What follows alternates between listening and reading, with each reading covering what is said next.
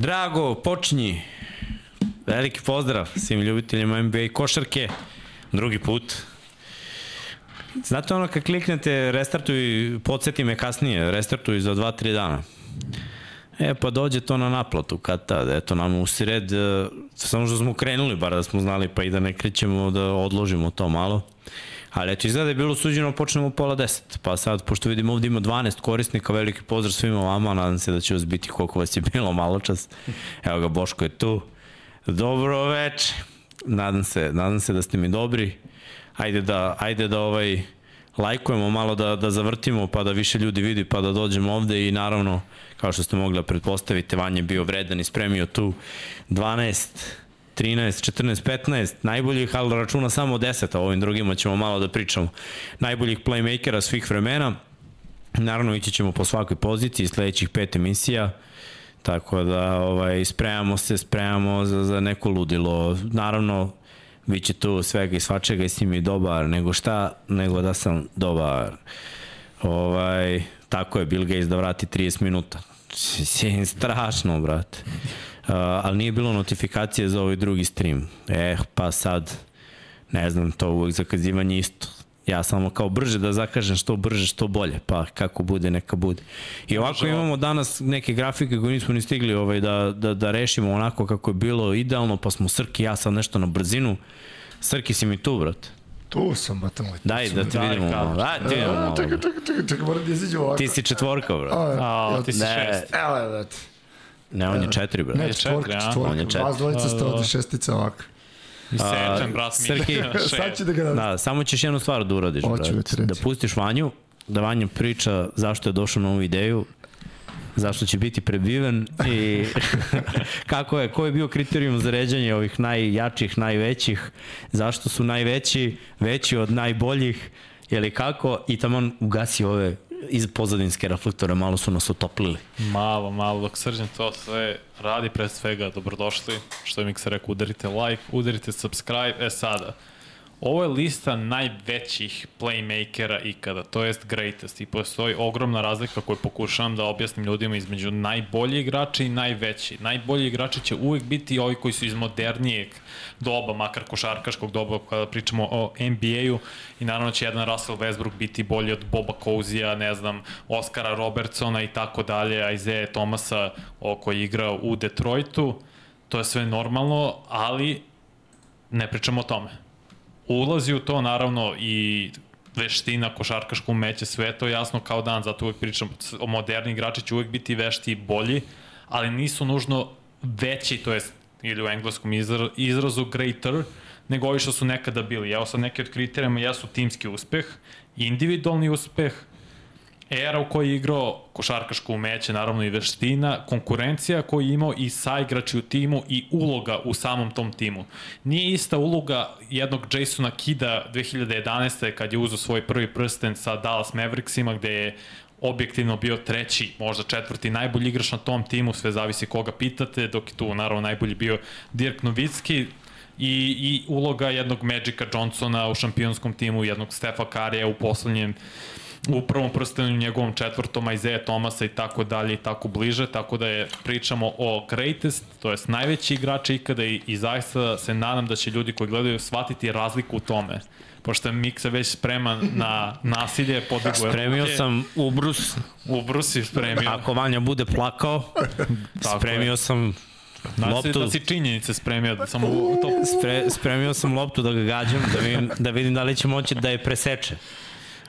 E, ispravio sam to danas, mu je znači, ispravio sam to danas. Ne, nije, to smo je radili. da?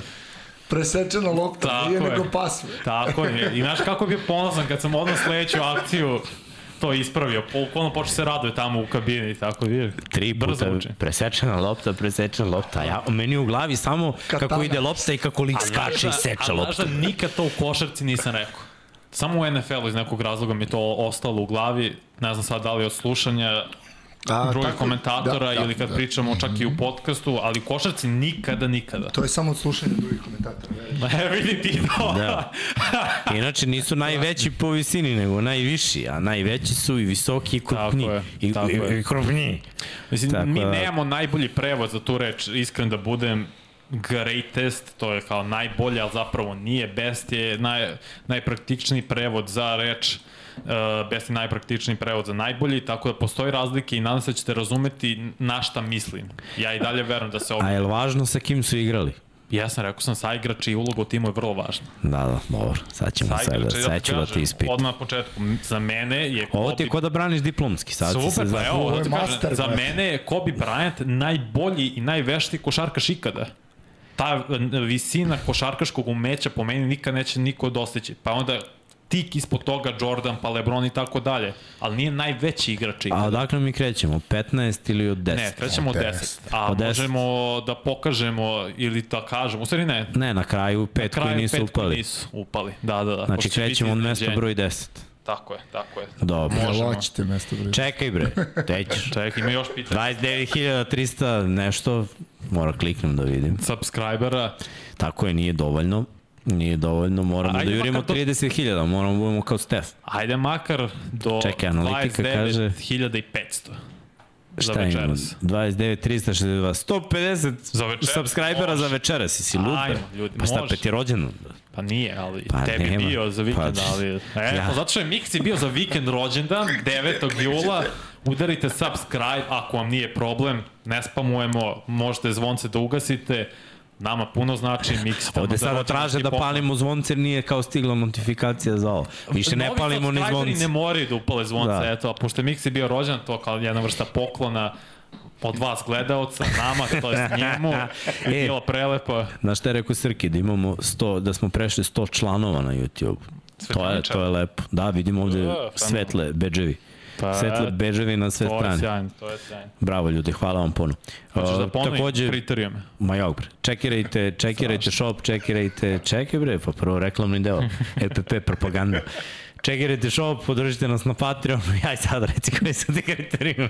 Če slušaš, timski uspeh, broj titula, broj NBA finala, uspeh u play-offu generalno. Individualni uspeh. U to spada šta si postigao u smislu koliko puta si bio MVP, All-Star igrač, All-NBA igrač i tako dalje. Kakav si, kakav si čovjek? Era u kojoj si igrao. 60. 70. 80. 90. Svi znamo da su 2000 tih, da je ta era bila najsporija era u NBA košarci u smislu najmanje poseda, uh, ritam igre bio najsporiji, uglavnom se igralo half court set u smislu na polovini terena sa dosta akcija, reketi puni, u tom pogledu sam uh, na to mislio kad sam napisao era košarkaška veštine i umeće, to je već nešto više subjektivno nego što možeš neko ob, nego objektivno da objasniš. Prosto ono što je tebi lepo po oku. Meni Paul George igra prelepo, na primjer. Ta vrsta košarke, kako on igra s lakoćom kojom on igra, s tom glatkoćom, ako postoji naravno ta reč. Glatkoća u igri. Ja, dečko. A može se Znaš na koje ispite? Znam, Znaš na koje ispite ćeš da ideš? Znam, znam, šalim Sad si ga, moram, sad si ga najebo, bre. Sin od Carmela Antonija je rekao da je njemu najbolji igrač ikada Paul George.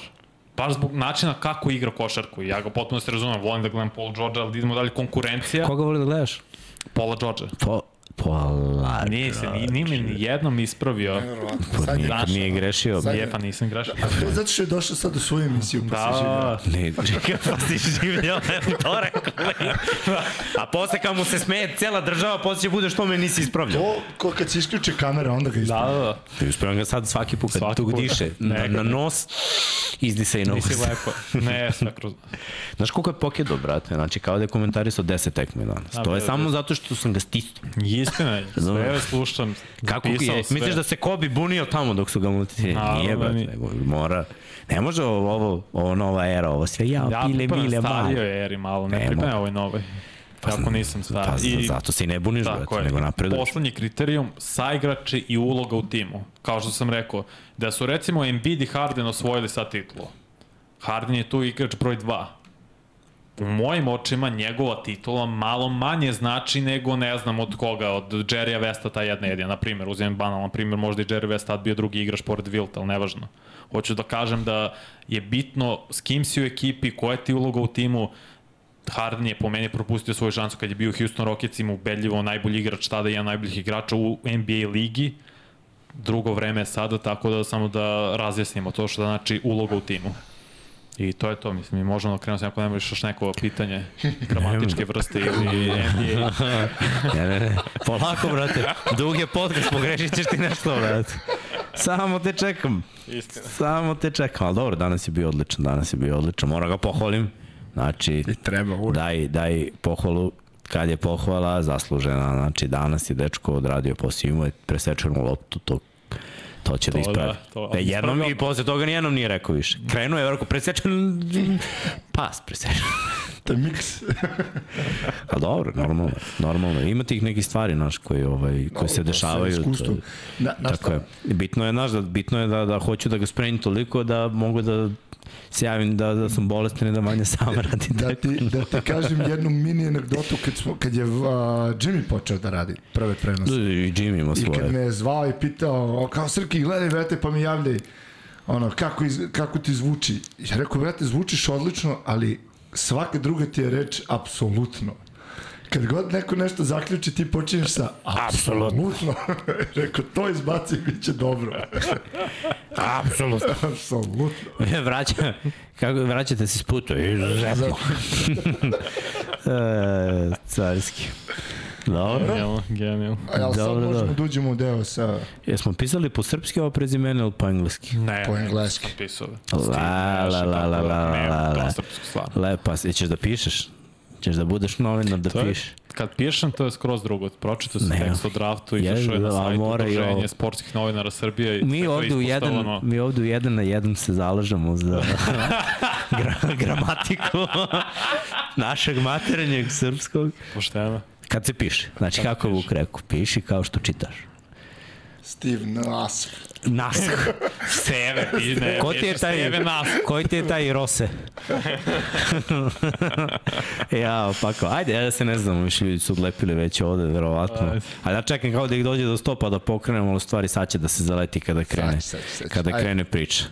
Uh, Pa nisi trebao da pustiš, pa čeki, pa teo sam, pa evo, teo sam pol, nemo. šta mislite ko je na desetom mestu? Kasno, Dobro, ajde ovako, ko je na devetom započni mestu. sesiju pitanja i odgovor, ne, započni anketu, je to pol, anketa? Anketa, jeste. Jeste. Idemo srpski. Ajde Dok ovako, to pitanje, odradi... da li Steve ne š sa š, š. Sa š, izvini, molite. Promenite ovo na Windows. Sam ti pričao da su me zvali Neša zbog Steve'a Neša. Ne, znam da ste zvali Justin. zbog Justina. To je na američkom futbolu. Dok sam košarku trenirao, brate, imao si kosicu. Imao sam, pa puštao sam za kikice ko Iverson i ovi svi kao, a vidiš Neš kako ima ovde na slici kosicu i svi kao Neš, Neš, Neš i dođe drugi trener kao Nešo, dođe vamo. Rekao, pa nisam ja Neša, brate. Kasno. Ja to zbog Steve'a Neš. Kasno. Da li Steve Neš za služ dež žuje da bude više da bude u top 10. Ajde sad Vanja počne pričaš o Nešu. Plejeva. Da li smem? Ma mogu si sve vreme.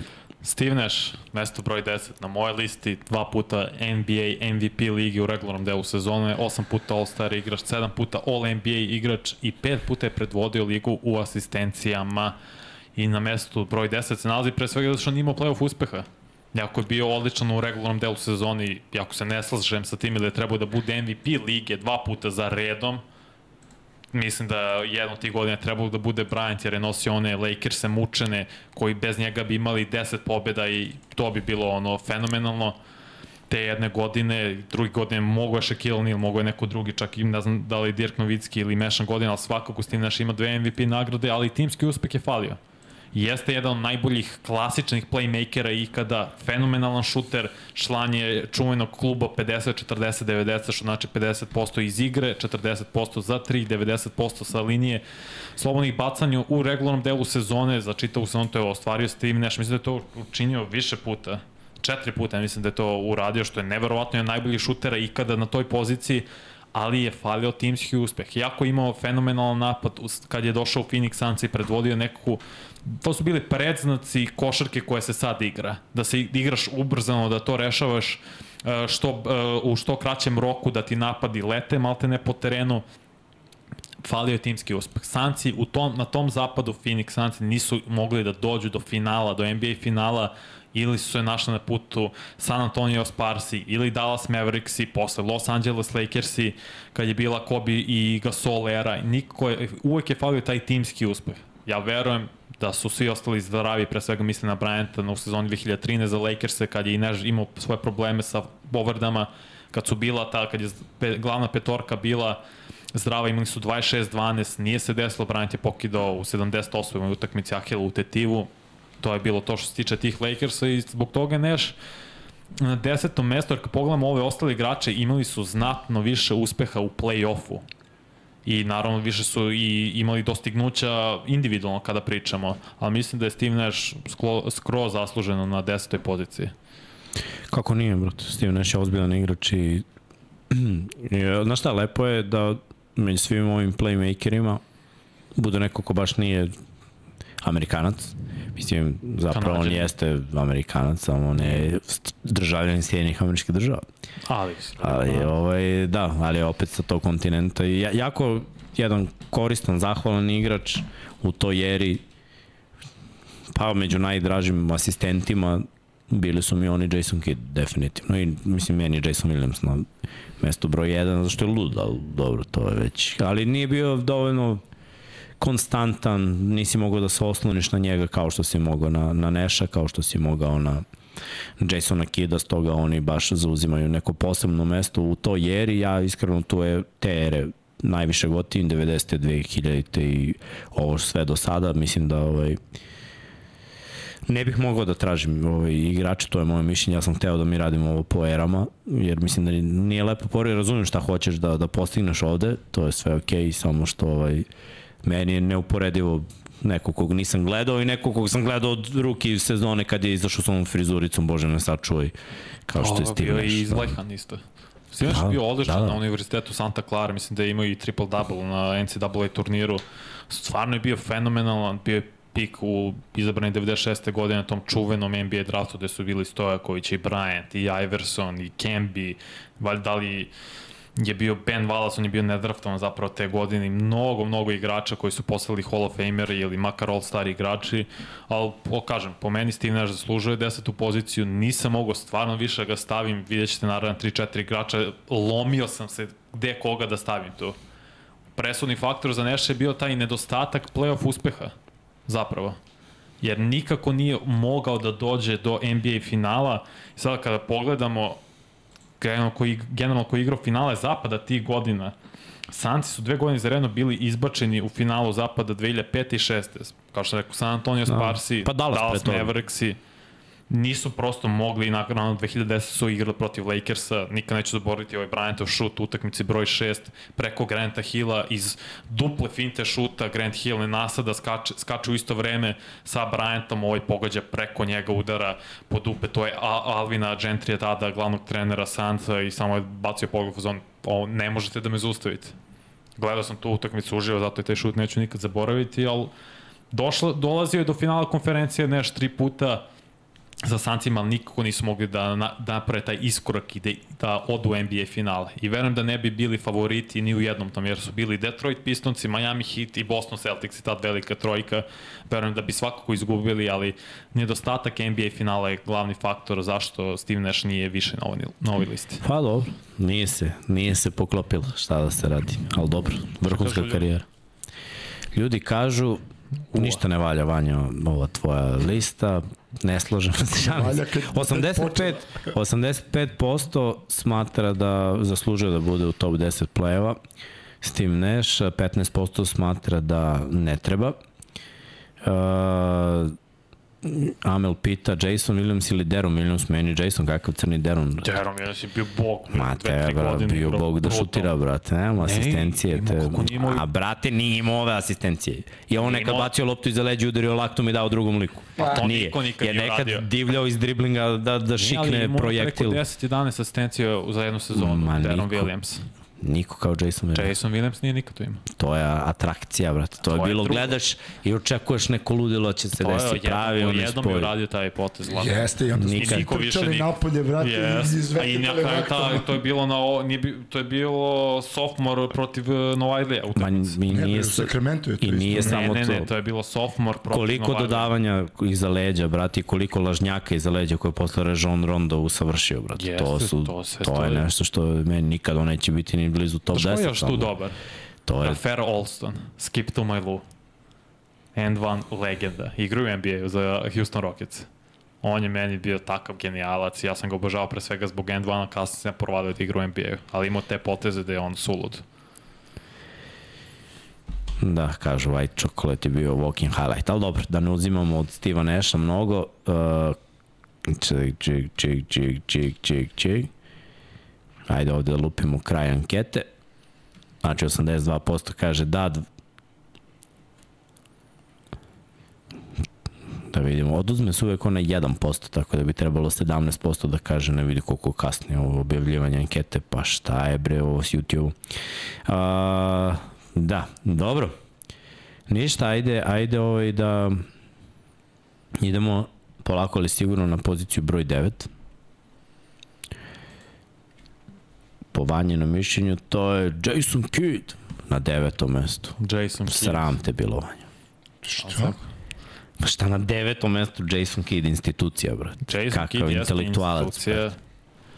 Jedan od najboljih, opet klasičnih playmakera, šampion jedne godine, tri puta učesnik NBA finala, bio je te dve godine, predvodio Nece u slabijem u slabijoj istočnoj konferenciji poprilično, 2002. i 3. Opet do, do, do finala sam, malte ne. Uz pomlađen tim Kenyon Martin, Richard Jefferson, Kittles, ali svako je to uspio 10 puta All-Star igrač, 6 puta All-NBA ti, u All-NBA timu je bio, 9 puta je bio u defanzivnom timu. Godine što je fantastičan uspeh i naravno kao Steve Nash predvodio ligu asistencijama pet puta, između njih dvojica već je imao 10 takvih sezona. Jason Kidd je meni bolji igrač od Steve'a Nasha, ako nije bolji šuter, bio mi je bolji lider, mnogo bolji odbrambeni igrač.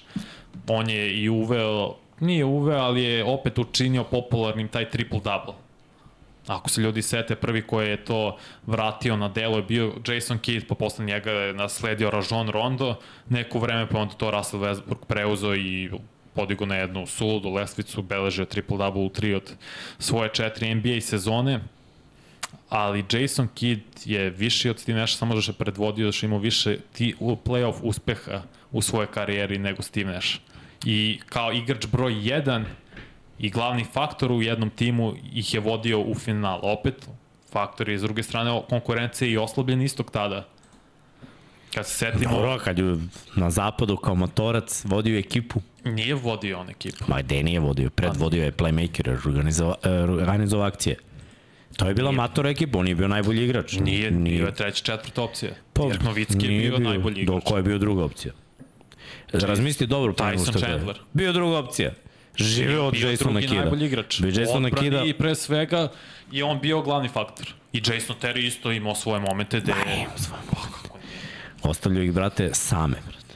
Ostao, to je prebilo. Nije to radio Nije bilo i za Dallas, brate. Bez Jasona Kida ništa, ne, ne, ne bi dobili, ne bi možda ni ušli u veliko finale da nije bilo Kida.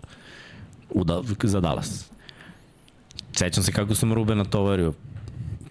Da, sećam da je Dirk Novicki igrao brutalno. Ne, ne, Partiju, Dirk je 4-6 institucija, ali ostatak ekipe Mislim, nisu bili neki vrhunski igrači. Nisu, nisu bili vrhunski igrači. Kid je bio drugi da igrač tog- drugi je igrač bio tog Tyson Dallasa. Chandler. Ma kakav Tyson. Chandler, on je bio defanzivno neka Bio prisutnost. najbolji defensivni igrač tamo. Prisustvo u reketu stalno. Nisu dobili oni zbog odbrane, brate. Nego su dobili zbog toga što su im situacije u napadu bile takve da je svako, Kako svako Nisu, limitirali su Miami, upropastili su Miami u finalu zbog odbrane. nisu ih upropastili, brate. Pa Lebron je beleži 16 pojena, pa se da li to upro, da li, da Mhm, To je zašto Lebron nije smeo da šutne, nego je bilo, "E, Vejde, Burazirče, je reši ga ti, brate, ako možeš. Znaš ono tvoje, kao sa šekom, brate. Ako je moguće. Kid je odigrao brutalan taj playoff. Nije bio uopšte na zalasku karijere, da, da, da Je, kažeš. Kako nije Mixon bio šest sezona u ligi. Brate, Sala za karijere mu i tako. gledaj, pola od nekih šuteva koji su uzimali igrači Dallas u tom trenutku ne bi uzeli da nije bilo kida. Pritom i on pogađao lepo trojke. Naštalovo ga je. šut, Naštalovo ga kraja karijere. je do tih dana. Popravio je izuzetno šut do kraja karijere. Samo mislim da je, imaš boljih igrača od njega od narednih osam u mom pogledu. Ali opet, ja se lomio od devete do sedme pozicije koga gde da stavim, iskreno. Sramota, brate, kida na devetu. Mislim, vidjet ćeš ko, su, o, o, ko je na poziciji broj 8 i 7, to su bili bukvalno o, o, milimetri razlike. Mogu se no. kida stavim 7. I ne bi se uopšte pokajao, nego stvarno su bili milimetri razlike. Kad sam čuo ovde Krstiće kad je bio, brate, šta je pričao o Jasonu Kidu, brate, i Mile je bio tu. Isto i te priče i onda tek me je poraslo poštovanje u pravcu Jasona Kida. Kakav je to, brate, doktor, lider, Jeste, koliko on čini što je, sve bolje. je loše, što je deveti? Od koliko je playmakera igralo Pa sad ćemo ti vidimo listu, ali ne, ne, Jason mora bude bolje od Ja njemu skidam kapu što je pre svega net se predvodio do finala. Igrao je protiv Celticsa jedno finale istoka, tad je mlad Paul Paul Pierce bio, bio činim se Anton Walker u tom timu. Sledeće godine išao na Detroit Pistonse koji su bili bez Rašida Valasa, nisu bili još oni Pistonci koji su godinu dana nakon toga doveli Valasa i oformili možda i najbolju defanzivnu petorku ikada. Billups, uh, Rip Hamilton, uh, Tayshaun Prince, Rashid Wallace i Ben Wallace, naravno to je bio i, i u tom timu Darko Miličić. Dobio je te Detroit Pistonce, dobio je ove Boston Celtics. Kažem, istok tada je bio slab. Mnogo, mnogo slabiji u poređenju sa zapadom, gde je prštao na sve strane. Imao si dve dinastije u nastajanju, Lakersi i Sparsi, i onda si imao timove sa odličnim pojedincima kao što je Dirk, Dallas, Garnett i Minnesota, naravno Sacramento Kingsi, Divac i Stojaković, da nabrojim pari, bili su tada i Portland Tra- Trail Blazersi pred zalaskom svojih karijera, pre svega mislim na Pipena i dalje su bili vrlo opasni. Bilo je, bilo je to izuzetno teško tada na zapadu. Ajde, reci mi ovo. Je LeBron sa tom ekipom Majamija, sa Dwayneom Wadeom, spada ono među najbolje timove ikada? Taj tim 2011. ne spada. Ne 11, nego taj tim generalno. Njihov LeBron. Pol. Je li će LeBron biti u priči za top 3 ikada svih vremena? Jeste, Najvećih veću priču. Jason Kidd ga rešio, brate. Case closed. Rešio ga je Dirk Novicki. Rešio. I dao je šut za pobedu ulaz. Plevom ruku preko Krisa Boša. U Majami. Kakav Dirk Dirk, brate. ih je rešio tada i zato je Dirka dižem u nebesa zbog toga. Jer je ostao u istom timu i doneo titulu Dallas Mavericksima. Da nije bilo njega, ne bi oni uz... Ne bi ušli Ne, ba, play-off. brate, Dirk je institucija. Ali ovaj, da nije bilo Jasona, ne bi uzeli isto. Tako da, Pa, Jason ga, Jason ga je rešio, brate. Ajmo dalje. Ili hoćeš da pročitaš šta su ljudi pisali? Nije, pa onako, podeljena neka mišljenja u principu hvalospevi, pa onda Gary Payton ispred Kida bez sumnje kažu uh, da a kažu i da treba bar od, sedme, od sedmog do petog mesta isto, eto, to su neka Vrlo, mišljenja. vrlo lako moglo tako bude. Bude stvarno Jason Kidd sedmi. Danas se baš dvomio oko toga i teo da javim da se zamene pozicije. Minimalne su razlike. Veće, ra, e, veća razlika između Neša i Kida nego između Kida i ono ko je na sedmoj poziciji. Tako da to ćemo i sad da vidimo. Srki pušta igrača broj 8, to jest ko je osmi na listi. Chris Paul.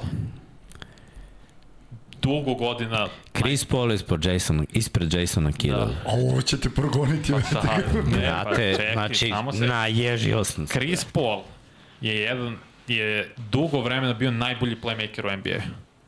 U svaki tim u koji on otišao, naredne sezone taj tim je imao mnogo više pobeda.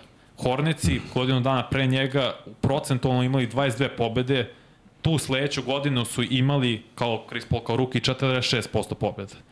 Clippersi 39% pobeda, naredne sezone došao Chris Paul 60, skoro 61% pobeda. Rocketsi 67% pobeda, pre 79% pobeda. Da, ta regularni deo sezona je Ne, ne, to samo ukazuje ko je, kakav je lider Chris Paul Pa na terenu.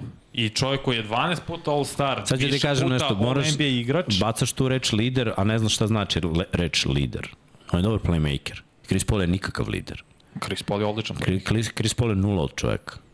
Nula od čoveka možda jeste, To ne ali može, nula od čoveka ne može da bude vrhunski da nije lider. lider, ne bi se to Da je lider, da je lider, ušao bi u play-offu bi dobio isto- više nego što je dobio. On je naleteo na isti problem kao većina igrača ovde. Prvo je bila dinastija Lakersa i Sparsa, kad je on bio u Hornicima, početkom Clippersima. Oni su tad igrali NBA finale. Zatim na zapadu su tad bili Durant i Westbrook. Minas, Memphis imao brutalan tim i onda kad su je trebao da krene potencijalna era Clippersa, naletao je na Golden State Warriors i na tu dinastiju. I nikako nije, uvek je bio put zatvoren za Krisa Pola koji god tim da je on predvodio. Ja verujem da je on, um, ja to sam čuo po pričama da je loš čovek, ok, ne pričamo o tome, da nije lider, svaki tim u kojem je on igrao je napredao po broju pobjeda. Oni mučeni Oklahoma City Thunderi sa klincima te godine, on ih je odveo u playoff. Koliko pobjeda su imali te godine? Oni? Da, te godine. Ne, ja sam morao bi sad da. Ajde, pogledaj. Sad ću ti kažeš. A su imali više nego godinu pre toga sa Westbrookom. Dobro, bolje je playmaker od Westbrooka. Kog ja iskreno lično više volim, ali bolje je playmaker za Volim ja Westbrooka Westbrooka izmislio poziciju. Ali ovaj, Samo sekund, sad sve ću naći. Te godine su imali... Da, 44 pobjede. koliko su imali ove godine pobjeda? 40. Eto, toliko je učinio bolji tim za četiri pobjede. Pa ne možda gledaš nešto što je bilo pre 3 godine i sada. Pa Znaš mogu, koliko su imali pobjeda naredne godine kad je on otišao? malo je bio 22. Tako je. Ali E, bio je razlika odmah, znači jedan Chris Paul, m, duplo manje pobjeda. Pa sad ću sada veličam od 80 utakmica 44 pobjede. Ne, ne, ne veličam to, samo govorim to ide njemu u prilog da je na terenu lider i da Zato što- doprinosi pobedama. Doprinosio je pobedama. Okej, Ali, Gde mislim, god je otišao tim ima nije lider, pobeda. brate, nego je dobar playmaker i dobar igrač. Nije lider. Odličan ne čini playmaker. drugi igrače boljim. Kako ne čini napravi igrača je? Blake Griffin. DeAndre Jordan bio All NBA prvi tim samo zato što mu ovaj bacao Bacao lobove. I bo, samo mi reci ovo, samo mi reci ovo, uzmi ove druge igrače, ali misliš da je jedan Jason Kidd ne bi bacao lobove Blakeu Griffinu i DeAndre Jordanu. Ko je napravio Kenyana Martina? Ko je napravio Richard, uh, Jeffersona? Mislim, Richard Jefferson i Kenyon Martin, koliko ja znam, nisu bili All-Star igrači. Ispravim ako greš. M, mo- Možda Kenyon Martin je bio jedan. mislim da je Kenyon Martin bio jednom, da. Možda. Ali, ovaj, Richard Jefferson nije. dobro, on je koliko od- puta ih je vodio u finale? Pošto Jason Kidd je s ovima Odveo je koji nisu Phoenix Sunsa All-Star. jednom u finalu. Nije ih on odveo, brate. Oni da nije- Ali dobro, nebitno. I da ih je odveo jednom u finale. Koliko je Jason Kidd puta bio u finalu? Tri. Tri. Znači, on je bio tri puta, ovo je bio jednom. Jeste. I on je bolji. Bolje da što je više... Koliko puta je osvojio za reprezentaciju? Chris Paul, Da. dve olimpijske igre. Dva puta zlata. je bio. Dva zlata. To je njemu najveći uspeh u njegovoj karijeri. Okej. Eto. Ali ne osporava ovo što je sve Jasonu to tad radio. nije. Pa, mislim, ne osporava, osporava samo da je Ja ispred sam rekao, minimalne su razlike između Kida i Chris Paula. Obojica su vrhunski defanzivci. Krisa Paula. Uh, Hvala. Krisa Paula. Obojica su vrhunski defanzivci, obojica imaju po devet, uh, po devet puta su izabrani u defanzivnim da, timovima. Chris Paul je bio baš dobar defenzivac. Za svoju visinu od Da, da, da, da. 183. Gledaj, vrhunski asistent, vrhunski playmaker. Vrhunski. Ja Samo sam nije vrhunski lider. Jer ti kada razlike. pogledaš priče ljudi koji su igrali sa Chrisom Paulom i ljudi koji su igrali sa Jasonom Kiddom, kada neko priča o Jasonu Kiddu, priča sa poštovanjem, znaš ono, sa uvažavanjem, sa nekim kao, wow, kao kad bi ti pričao Kobiju. Ti tako gledaš Kobija, to je toliko uvažavanje kad pričaš o njemu. Istina. Niko tako ne priča o Chrisu Paulu. Niko. Apsolutno niko. Znači, brate, nešto tu... Da, da, Bryant je pričao o njemu. Vrlo visoko Dobro, mišljenje. njih dvojica su se gotivili, probali su da igraju zajedno. Međutim, David Stern je rekao. komesar je rekao, paljba, Zaseko. paljba ništa od toga, momci, da To mu osvojite. nikad neću Ćao, zaboraviti. zdravo. Nikad. Osvojio bi titlo 110. Vrlo verovatno, ali nije se desilo. Nije se A desilo. Kobe je jedina, mislim, jedini, on je bio taj sklop ludaka Da, da. koji je mogao da istrpi, ja mislim to. Zato su se verovatno i gotivili. Pa da, inače Kenyon Martin je bio prvi pik na draftu. DeAndre Jordan je bio, ne znam koji pik na draftu, Dobro, gledaj, je DeAndre Jordan i Blake Griffin, ono što su oni radili, mislim, to je penetracija u reket i šikni na pola table. Mislim, zato su on, i odbrana. Mislim, DeAndre DeAndre Jordan Jordan je bio elitni defanzivni igrač. Mislim, mislim da je više zato bio All-Star nego zbog toga što zakuca 10 puta na utakmici, ako i toliko. Blake Griffin je razvio šut kroz zakucavanje Blake koje imao. Ja mislim da ljudi ne znaju to. Znaš, on je bio posljednji igrač Detroit Pistonsa koji je bio All-Star igrač. 2019. kad je otišao te godine u Detroit, kad su ga tradeovali. Bio je brutalan te godine Blake Griffin. Stvarno je bio na jednom vrlo visokom nivou. Ti kad pogledaš ostale saigrače i Jasona Kida i Krisa Paula, mislim, Kid je u jednom momentu imao Vinca Cartera. Jedno 5-6 godina. Ništa, ništa nije osvojio. Da, ništa nije osvojio, ali dobro, mislim. Saigrači su opet, i ovaj imao Jamesa Hardena, ali taj stil igre niko nije odgovarao niti jednom niti drugom. Harden, znamo kako igra, dosta puta smo ga kritikovali u, u ovoj emisiji, u ovom podcastu, ali Chris Paul je našao način neko da igra s njim. E, šta Učinio je znam. bolji tim taj, te Phoenix Suns. Bez njega, opet, da, Booker je fenomenalan, koš getter, po enter, stvarno je neverovatno, možda jedan od najboljih u, u trenutno u NBA-u, ali oni bez njega su bili ispod 50% pobjede. Kad je došao, odmah te godine igrali su NBA finala. Pazi, ne osporavam da je bio, da je bio, da je bio faul, nisu i Jason minimalne. Kidd da stavim ispred. Kada sam rekao, od 7 Trebalo do se. 9 su minimalne, minimalne razlike. Ne može, ne može, ne mogu da zamislim Krista Pola ispred Jasona Kida, to ne može da se desi. Jason Kidd je, brate, Desilo se. Šta će kaže sad za sedmo mjesto, baš me da zanima. je legenda. Pa ja dočekam da vidim, baš me zanima. Ništa, ajmo sedmo. Dobro, to je, ovo je vanjena lista. Dobro, Gary je druga priča. Gary Payton. Gary je druga priča, zašto je Gary vrhunski defanzivni igrač, zato što, znaš šta, ali opet i njegova karijera nije bolji playmaker od Kida. Ne, ali bio šampion kao Kid u istoj slična uloga. Nije U- bio im slično ulogu Meni kao u Kid. mojeg očima je bila slična uloga Pa, Kida u Bio si mali Dallasu i 2011. bre. 2006. Gary Paytona i mislim Wade je bio najbolji igrač, da se razumemo. Ne, ne, Da, da. Piše samo što, samo njega. što Gary je jedva igrao tad. A I Kid je bio startni, u play-offu tada. Kid je Ja. bio startni play, samo što, znaš, no, ovo što je osvojio Gary na kraju, to je ono, ok, osvojio si, znaš, nije, Slažem za se. njega i da nije osvojio bolje od Krisa Paula. Tri puta je igrao NBA finale.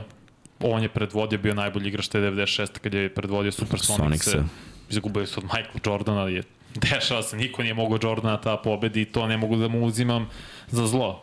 Jer se je znalo, NBA je maltene bio zaključan 90-ih, jer dok li god je Jordan igrao, titula ide u Chicago. To je prosto bilo tako. Ostalo devet puta all, NBA All-Star igrač, devet puta u All NBA timu, takođe osvojio je nagradu za najboljeg defanzivca godine kao back. To je suludo, to je toliko impresivno da stvarno nemam reči. I devet puta je bio u defanzivnoj petorci. Izvini, takve igrače volim, brate. To su mi oni Igrače nam, Gary Payton je bio Gary posljednji Payton je playmaker. opasan, opasan igrač, ovaj, Ozbiljan igrač. ovo, samo ono, Pocenjen kao playmaker i on pa predvodio ligu u nije kratkim pocenjeno nikad bio, brate. Zašto je bio pocenjen? Je bio u repki? Jeste. Je bio All-Star? Jeste. U, u očima Koga je običnih NBA fanova mislim da je da nije dovoljno brate, cenjen. baš Gary'a Paytona zanima šta mi obični NBA fanovi Mi nismo obični ovaj NBA Mi smo fanovi. neobični. Ne, mi smo, Mi smo ne- neobični. Fanovi sa podcasta. ovaj, Znaš šta, ovaj, o, ozbiljan igrač je bio Gary Payton, ali Jason Kidd je bolji playmaker od Gary. E sad, uh, Gary je bolji defanzivni igrač i to mnogo. Gary Payton je baš od njega ja nisam vidio dugo takvog defanzivnog igrača na playu. Bilo je dobrih igrača na ono, bekovima, krilima, ali da neki play toliko bude dobar defanzivno, a da daje ofanzivno, to nisam vidio od Gary Payton. I Takav- zato je on, zato je on, zato je on poseban, to je njegov najveći kvalitet. Bio je ovaj dobar igrač. Ovaj, i nekoliko sezona, mislim, kažem nekoliko, mislim, 5-6 sezona da je beležio preko 8-9 asistencija. Zato kažem, u, pocenjeno u smislu da bude klasičan playmaker. Ljudi ga pamte po odbrani, ali je bio vrlo, vrlo dobar playmaker i umeo je da razigra drugi. I njegovi saigrači imao je Shona Kempa kratko vreme dok je Kemp ono shvatao košarku ozbiljno. Šremf je bio vrlo dobar na poziciji 3 Imao je dobre saigrače, predvodio je tim kao glavni igrač do NBA finala, nije osvojio, nije se desilo, posle otišao u Lakers, onaj tim gdje je bio kroz, kroz debakl, on 2004. on Carmel, on Kobe i Shaq, to nikad nije moglo da uspe, ne znam kako su došli do finala, samo zato što su pretalentovani, posle otišao u Miami, uzao prsten, a to je razlika između njega i ostalih igrača koji još treba da ispričamo na listi, naravno nisu svi šampioni, mali spoiler, ali on je u nekoj eri, pored Johna Stocktona, bio najbolji playmaker. Obojice su bili na zapadu i bilo je tad zapad poprilično teška konferencija. Ima si i Houston Rockets sa Hakimom, Portland Trail Blazers na početku decenije sa Clydeom, naravno Utah Jazz sa Stocktonom i Melonom. Sad razmišljam koji još tu bio San Antonio Spurs su bili ok sa Davidom Robinsonom. Bio je zapad poprilično težak da se osvoji. Denver imao svoje timove sa Mutombom, oni su, mislim, i pobedili Supersonics jedne godine kao osmi nosioc, izbacili, izbacili ih iz play-offa. Tako da nije bio zapad uopšte najavan im tih 90-ih. Brate, nikad nije zapad bio naj. Nije lako doći do finala, nema te ekipe koja se šeta. Znači, nikad to nije bilo, uvek je bilo na krveno. I ti Spars i Lakersi su se međusobno Suns takođe izbacio ih je Charles Barkley te 93. Baš Seattle Supersonics u finalu zapada. Da su bili mladi. Mladi i ludi. Ali, ali dobro. Gary, je, Gary jeste u top 10, mora bude. Ajmo dalje, Srki. Da vidimo šta imaš dalje. John Stockton. Definicija playmakera. Mhm. Uh, Nije se desilo. mogu si da napišeš, brate, da je rekorder Mogu se, pravo si. Rekorder po broju asistencija. Svih vremena. Za, svih vremena za, za karijeru i ukradenim loptama takođe.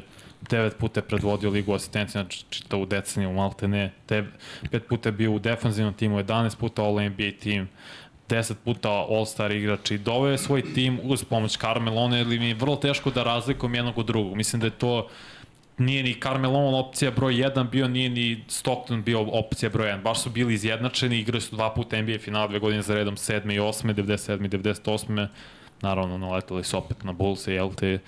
I to je bilo to po definiciji šta znači playmaker, mislim da je John Stockton najbolji uz, Magic, uz Magica Johnsona, naravno.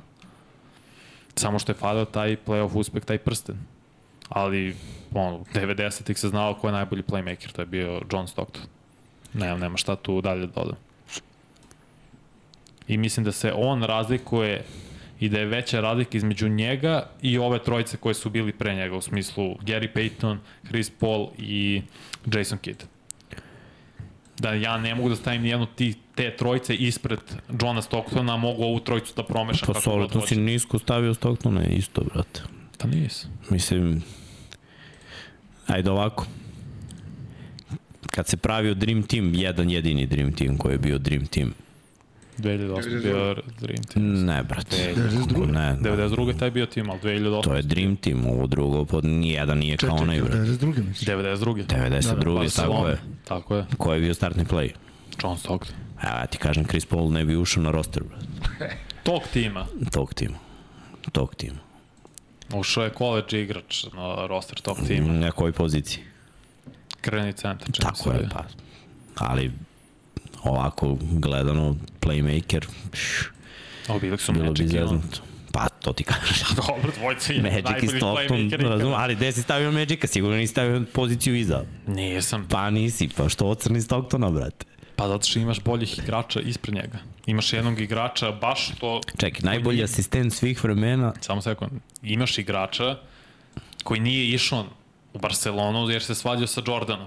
A to je Isaiah Thomas, koji je bio u tom momentu bolji od Stocktona. to su tračevi. Nisu tračevi, to je istina. Yes, ja, odakle znam zašto je Isaiah Thomas to rekao. Isaiah Thomas dve godine pre toga da je bio šampion. I pred Bio je, ne, ne, ne, ne osporavam Isaiah Thomasa, nego si izjavio, pa zašto si izjavio nešto što je rekao Isaiah Thomas, Jordan me nije gotivio i zato nisam bio u repki. Te, brate, Misliš da stvarno nije bilo mesta? Dobro, i odneće ja kažem šta je Jordan rekao, brate, niko nije rekao da on ne bude u tekmu. Okay. Da ne bude u repki, mislim. ja razumem.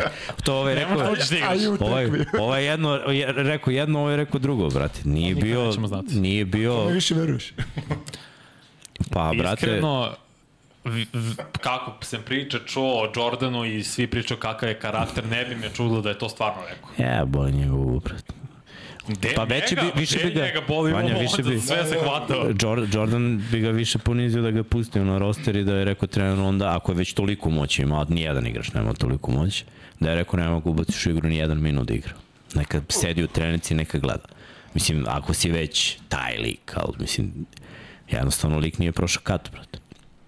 U tom momentu je Zeta, on se bio bolji od Johna Stocktona. Ne može mi kažeš drugačije da je. U tom momentu Isaiah Thomas je bio bolji od John Stocktona. Isaiah Thomas je ušao u ligu 79. 80. John Stockton je ušao 84. Pa u tom, u tom trenutku možda nije, ali par godina ranije par godina ranije je bio taj prime Detroit, ali ovaj, znaš šta, Stockton sa svojim asistencijama, opet govorimo o nekom skillu, Stil igre se više uklapa Stocktonov stil igre. tako je, tako je. I njegov osjećaj za asistenciju je po meni možda na, najbolji od svih koje ćemo naći na ovoj listi. Stvarno je stvarno je znao iz driblinga lepo da je spusti. Sad, možda nije bio najatraktivniji dribler, jeste malo izgleda ukučeno onako, ali znaš šta, meni je Bodiroga izgleda ukučeno, pa neke finte koje on pravi ukučeno. Znaju da te salome, brate, i te promene ritma.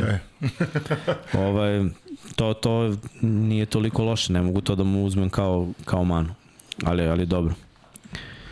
Uh, Alen je Vanja izbacio kriterijum odmah na početku emisije rekao svih pet svojih kriterijuma, znači šest, šest tako da ovaj, nemoj tako da Vanja nema kriterijuma, ima, znači gleda se sa kim je igrao, šta je radio, gde je Timski bio. uspeh, Mislim, Stockton nije imao, nije osvojio. Znači, njegov timski uspeh ima sa Dream Teamom, reprezentativni uspeh, ima sa Jutom timski uspeh gde je dva puta bio u finalu. Kakvi igrači ima oko sebe, pa osim Hornaseka i Melona, Melona, ti to. ne možeš da nabrojiš ništa više, brate.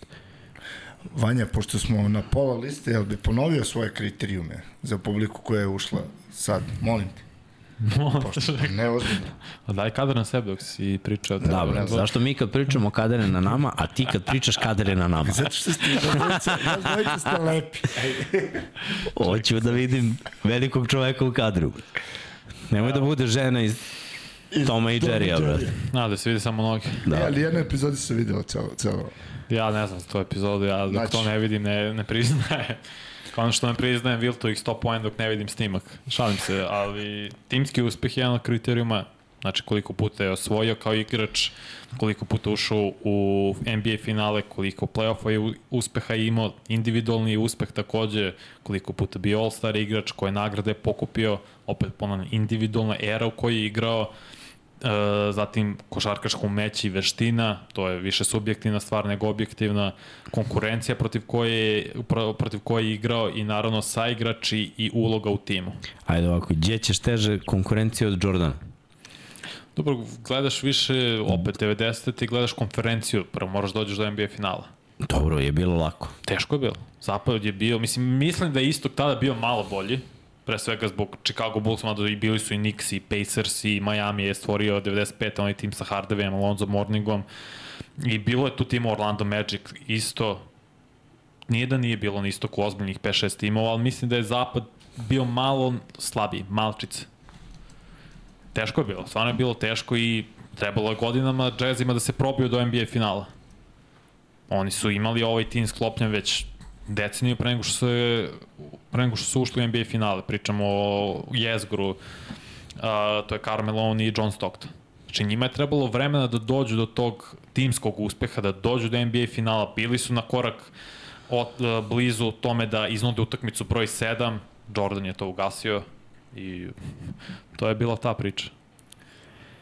Kažu ti da cela lista pada kad si stavio Krisa Paul, da, ba, baš ovo ispade da sad čovjek, ceo chat ima hejt prema Krisa Da, svi Paul. mrze Chris Paul, ne, ali ne mislim, ne mislim... Ne mrzim ga bre, ja gotim Krisa Paula samo, brate, ovo je svih Većina ljudi, vremena. ja znam, znači, nema Na listi svih vremena može bude ispred Jasona Kida, Opet ponavljam, pa i da male plati. su razlike. Sorry, ako platiš to je bro, će rešimo.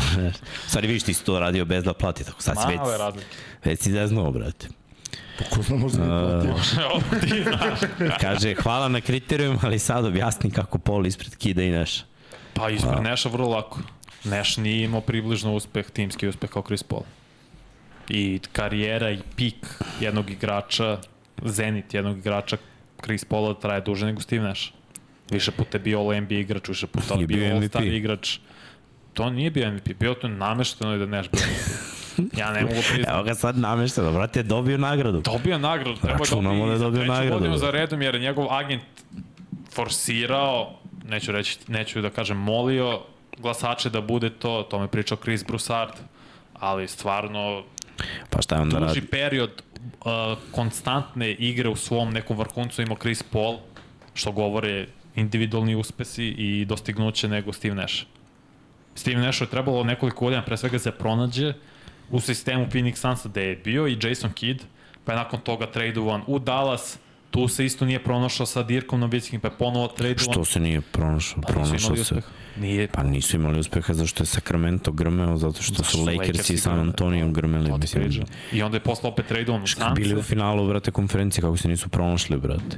Brate, mnogo sporavaš, brate, uspehe tuđe, brate.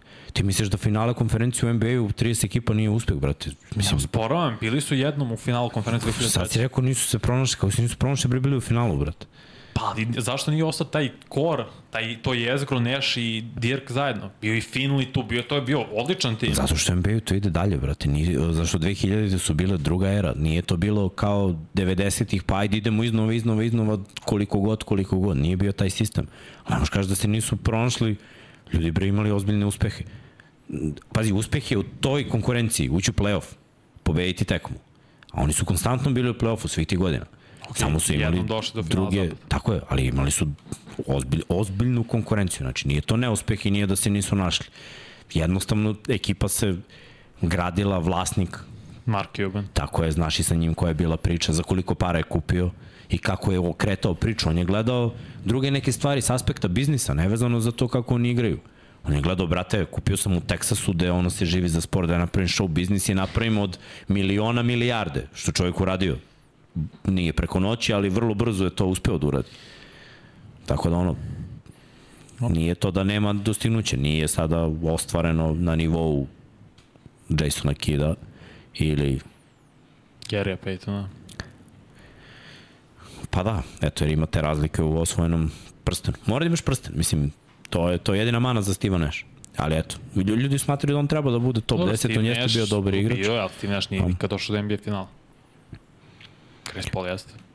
Pa, jeste. To je jedino što je uspeo, ali ne znam. Vidjet ćemo, ajde, razmatrat ćemo još. Šta imaš dalje? Ja nisam vidio listu ljudi, da znate, ovo je za mene isto šok kad gledamo ovo, kao, kao i za vas. Bob Cousy. Ti ne gotiviš ovo, ja znam. Da, Pa znaš zašto ne gotivim? Evo, mogu i tebe pitam. Koliko si utakmica odigra, odgledao Boba Ovo odigrao nisam nijedan. Šalim se, nisam naravno odgledao, ja sam posle čitao artikle zbog, zbog pripreme za ovo i koji god highlight pronašao, on je bio pionir i prototip za playmakera. Ja ne mogu njega da ne stavim na listi čovek koji je bio i MVP lige, možete pričati ljudi kako god je bila liga tada, ja se slažem s vama, totalno drugačija era, totalno drugačiji format play-offa pre svega, odatle krenuo jer format play-offa sa 16 timova je, e, je startovao, to je počeo je s- hi- 1984. godine. A 2003. godine usvojeno da svaka runda i, se igra na četiri dobijene utakmice. Meni je to sve jasno, ali ja ne mogu da ne stavim jednog od pionira NBA-a, samim tim jednog od najvećih igrača, Bob Cousy, koji je šest puta bio NBA šampion. I opet razumem, konkurencija, sve na to jednom, na jednoj niskoj grani. Budite vi šest puta šampion u vašoj ulici, nečemu. Mislim, ne, bukvalno je Jeste, toliko jeste, banalan klinkerima. primer da ću to stvarno da iskoristim. I bio je All-Star igrač 13 puta, 12 puta All-NBA igrač, opet, okej. Mnogo slabija konkurencija, ali ne mogu da osporim nečiji uspeh i dostignuće zbog toga Pa sam. da, daleko od toga da usporan sam ja od tog uspeha, nisam vidio ništa do dokumentarnog ja, filma. Ali zato ja ne pričam opet, da pričamo o najboljim igračima, Bob Cousy ne bi bio u blizini. Prosto su mnogo bolji Otko igrači. znaš, brate, možda je bio, možda je bio ubica, brate. Pa ne, vi, vidio sam snimke, mislim, i samo sam to i mogu da vidim, highlightove, neke stare snimke i tako dalje i tako bliže. Tih, naravno, sve pre 80-ih je to tako moralo, mogu, se jedno tako vidiš. Već 80-ih sam i mogu da gledam utakmice što sam i radio dok je bilo COVID i sve to prve godine. NBA i puštao stare utakmice, pogotovo iz 80-ih, 90-ih, to sam gledao stalno. Vidi se razlika u igranju košark, ko, u igranju same igre. Ne mogu da zamislim kako je bilo tada kad je on igrao od 50 do 63 zašto nije više na ovoj listi zašto nije ispred čoveka koji je na sledećem mestu samo zato što je on osvojio titulu te 57. kad je draftovan Bill Russell. I Bill Russell je bio taj odlučujući faktor zašto su Celticsi napravili tu dinastiju koja je trajala deceniju. Mnogo slava opet, drugačija konkurencija, drugačija NBA, uh, playoff format, sve mi jasno, zato pričamo o veličini najvećim igračima, greatest, ne o najboljim. Zato moram da stavim Boba Kouzija na petoj, mesto, na, po- na petoj poziciji. MVP lige, šampion, preko 10 puta e, All-Star igrač, preko 10 puta All-NBA igrač. To je ono što on ima, što drugi igrači nemaju na ovoj listi. Kao Steve Nash, kao Gary Payton, Pa kao... dobro, mislim, ima. Ne, ajde, da ne ulazimo u poređenje 60-ih i 2000-ih.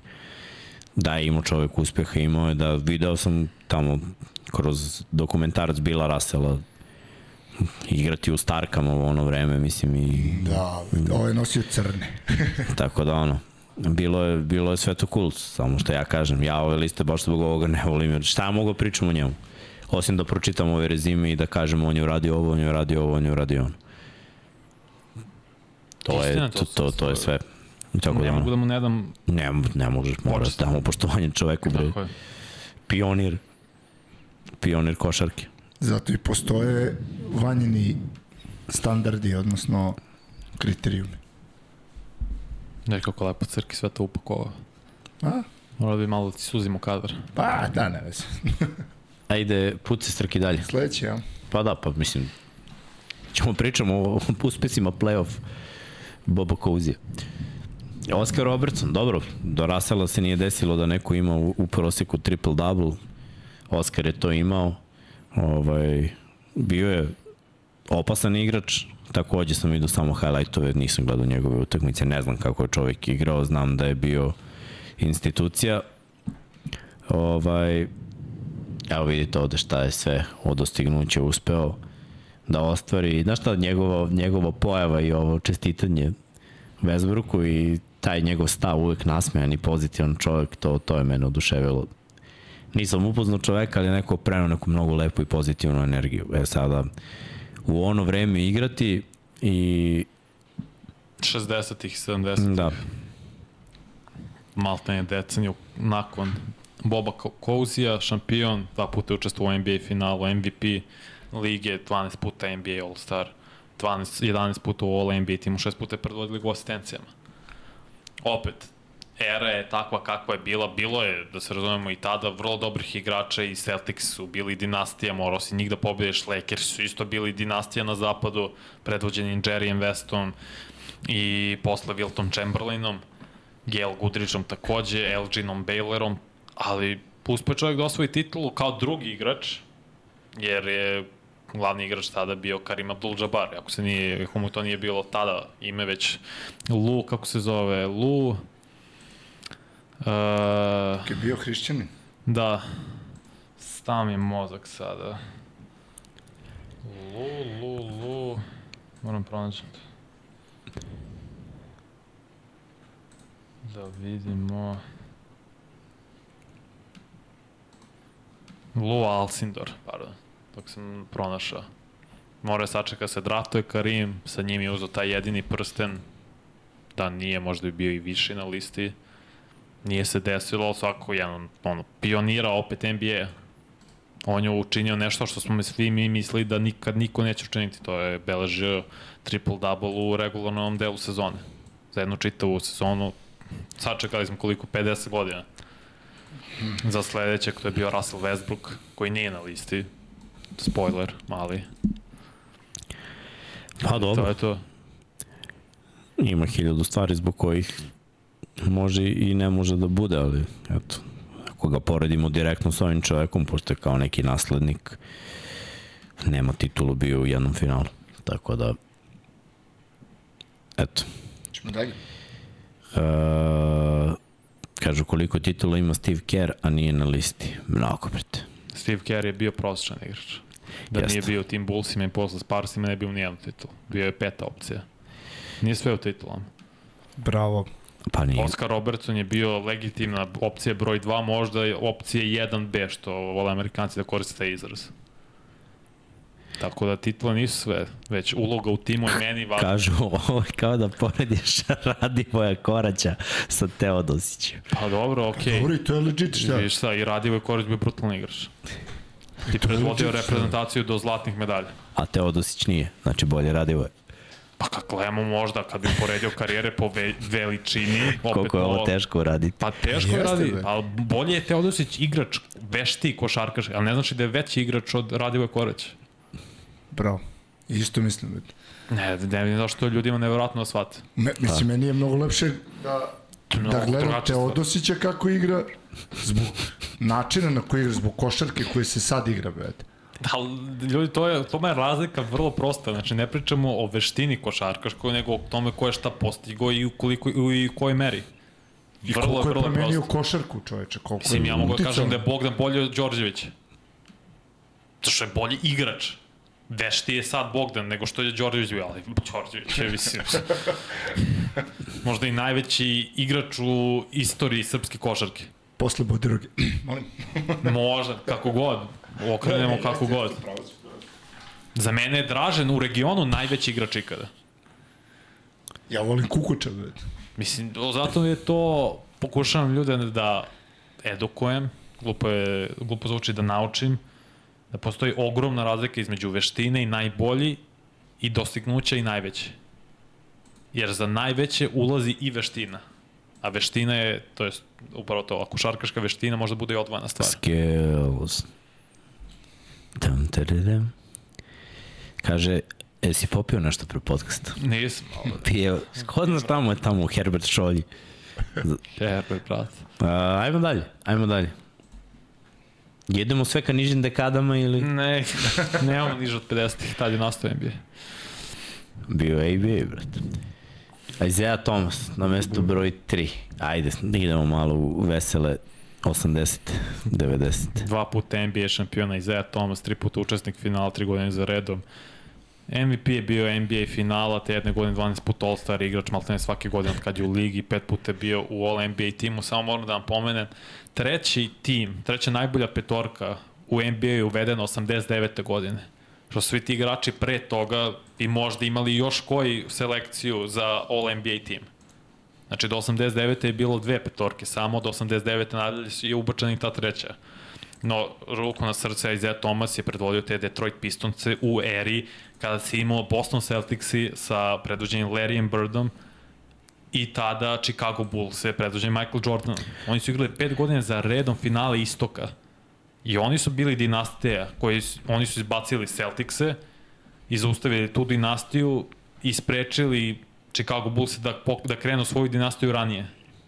Bulls su se mučili sa ovim, Celti, sa ovim pistoncima predvođenja Isaiahom Thomasom i nisu mogli da dođu do finala zbog njih. A ovi su pobedili i Lakers u finalu i Trailblazers se takođe izgubili jedne godine od Lakersa, ja mislim zato što je koliko se sećam, Isaiah Thomas ima ozbiljnu povredu skočnog skloba, ne znam kako je odigrao taj meč da je posle dao, dao 30 ili 20 poena nakon što se vratio, ali su izgubili nakon toga.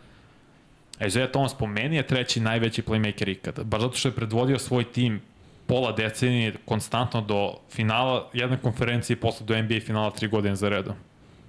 U sred dinastije i smene dinastija na istoku, smene dinastija na istoku Celticsi i Bullsi. Dobro, Bulls još nisu postali, Ovi su ih da ne postanu. pa, oni. Oni dve Tim. godine za redom ih izbacili, bacili u Jesu, finalu. ali Isto. najmanje od njih, ako mogu tako da kažem, ih je zustavio Isaiah Thomas. A najviše ostatak ekipe koji je bio naošteren da bije celu tekmu.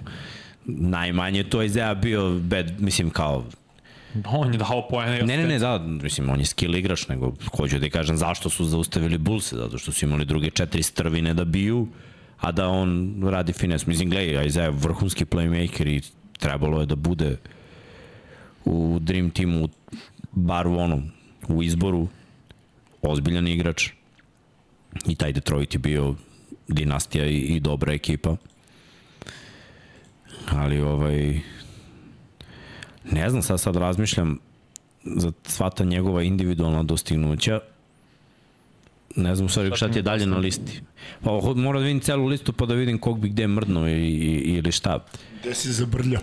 Da, nema, zapravo to je njegova lista, brate, možda ra- da stavi svakog gde hoće. Sad, sad razmišljam sa ovim gore dva imena sa Oskarom i sa Kouzijem.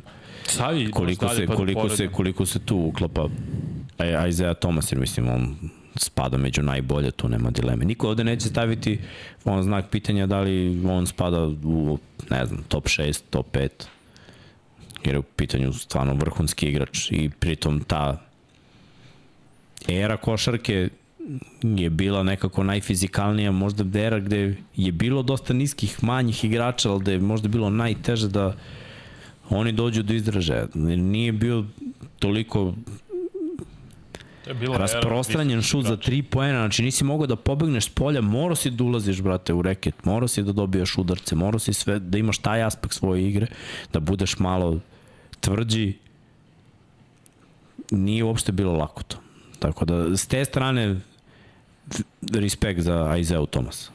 Znači, on imao super tandem u backcourtu, backovski tandem, oni, Joe Dumars koji isto bio MVP jednog od tih finala, Bill Ambir je bio nekoliko godina pre toga i All-Star igrač, Dennis Rodman je počeo da se pojavljuje kao jedan vrlo ozbiljan igrač, pre svega na defanzivnoj strani i naravno ozbiljan, ozbiljan skakač. A možeš kada pustiš koje je mesto broj 2, Mogu. Može, naravno, naravno, mislim, to je, sad već postaje očigledno Steph Curry. Mora da bude Steph Curry koji je četiri puta NBA šampion i slobodno mogu kažemo te četiri titule u dve je bio najbolji igrač. I to skoro bez premca. Ne mogu da kažem kad je došao Durant da je bio najbolji igrač na terenu, zaista. Iako je bio njegov tim, mislim da Durant bio bolji. Opet, dinastija Warriorsa se zastima na njemu on je dinastija, on je definicija tih Warriorsa, bio dva puta MVP čovek lige, MVP final, devet puta All-Star igrač, devet puta All-NBA igrač, vjerojatno će da doda još koju selekciju.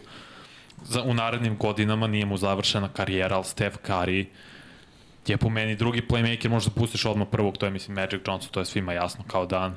Čovek koji je definisao jednu košarkašku eru, spasio NBA maltene, on i Larry Bird naravno sa njihovim rivalstvom, pet puta je bio i NBA šampion Magic Johnson, predvodio te Lakers-e, Showtime Lakers su nastali zbog njega, uz pomoć naravno Karima Abdullah-Jabara, Imao je on uvek dobre saigrače i James Ward je bio vrhunski, vrhunski talent, jedan od naj, najboljih igrača na poziciji 3, na poziciji krila, bio je AC Green tu, bili, imao je odlične saigrače Magic Johnson, ali on je bio lider tih Lakersa. Da njega nije bilo, ti Lakersi ne bi osvajali titulu. Znam te sad Srki mučim Ne, ne, ne. zbog toga, tako da lagano kad stigneš pusti i eto to je upriceo Magic Johnson. Devet puta igrao NBA finale. Taj zapad je prolazio kroz LA tih 80-ih. Morao si da izbaciš Lakers ako si mislio da dođeš do finala, to su uspeli Houston Rockets jedne godine i kasnije, početkom 90-ih Trail Blazersi. Tri puta je bio i MVP, NBA final, tri puta NBA, MVP regularnog dela sezone. Svaki godin od kad je u ligi je bio All-Star igrač, njegova karijera se skratila, nažalost zbog HIV-a, tako da je odigrao samo 13 sezona u NBA-u, ali ono što je on uradio u svojoj ruki godini, kada se Karim povredio, kad je igrao na, sta, na poziciji startnog centra, ubacio 42 poena, 15 skokova, 9 asistencija, možda grešim po asistencijama koliko imao, i čuvena slika da je on baca horror, gde je to nazvano posle baby hook. Mislim, Magic Johnson je pomenio najvećih igrača ikada, ne, raču, ne samo playmakera, nego generalno kada pričamo i pravi, on je definicija lidera i playmaker. Evo sad kada imaš uvid, Magic 1, Steph Curry 2, Isaiah Thomas 3, Oscar Robertson 4, Cozy 5, Stockton 6, Gary Payton 7, Chris Paul 8, Jason Kidd 9 i Steve Nash 10. Kažu da si mnogo brzo preskočio broj 2. Možem vrati na Stefa Curry. Nemoj da vraćaš, nema veze. Ne, Steph Curry, kao, on je napravio revoluciju u košarci. Šut Ajde ovako par, poena. par pitanja. Slušaj. Pošto si stavio da je vrlo važno ko je s kim igrao. Koji od svih ovih imao najbolju ekipu? Magic i Steph su imali najbolje saigrače. Karim Abdul-Jabbar je najbolji centar svih A što je Steph imao najbolje sa igračima imao dve godine? Imao je all-star igrače u Clayu Thompsonu i Draymondu Greenu, najboljim defanzivcu u poslednjih 10 godina. Imao je Andrej Budalu koji je bio all-star igrač koji ulazio maltene s klupe. Kad pogledaš ostatak ekipe, naravno došao posle Kevin Durant, pa je ta dinastija produžena. To je bilo dobro, mislim ovo ovako dok su igrali nije to na papiru bilo u to vreme uopšte kao... Bili su all-star Wow. igrača. Imao je dva all-star igrača pored sebe. To je znači tri u jednom timu. Ha, brate, ostari igrač ovaj ima double-double sa 8 poena, brate. Ko? Draymond Green. Pa dobro, ja kažem, ali je bio najbolji defanzivac lige koliko, dva, tri puta. I realno najbolji defanzivni igrač u to vreme, u NBA-u.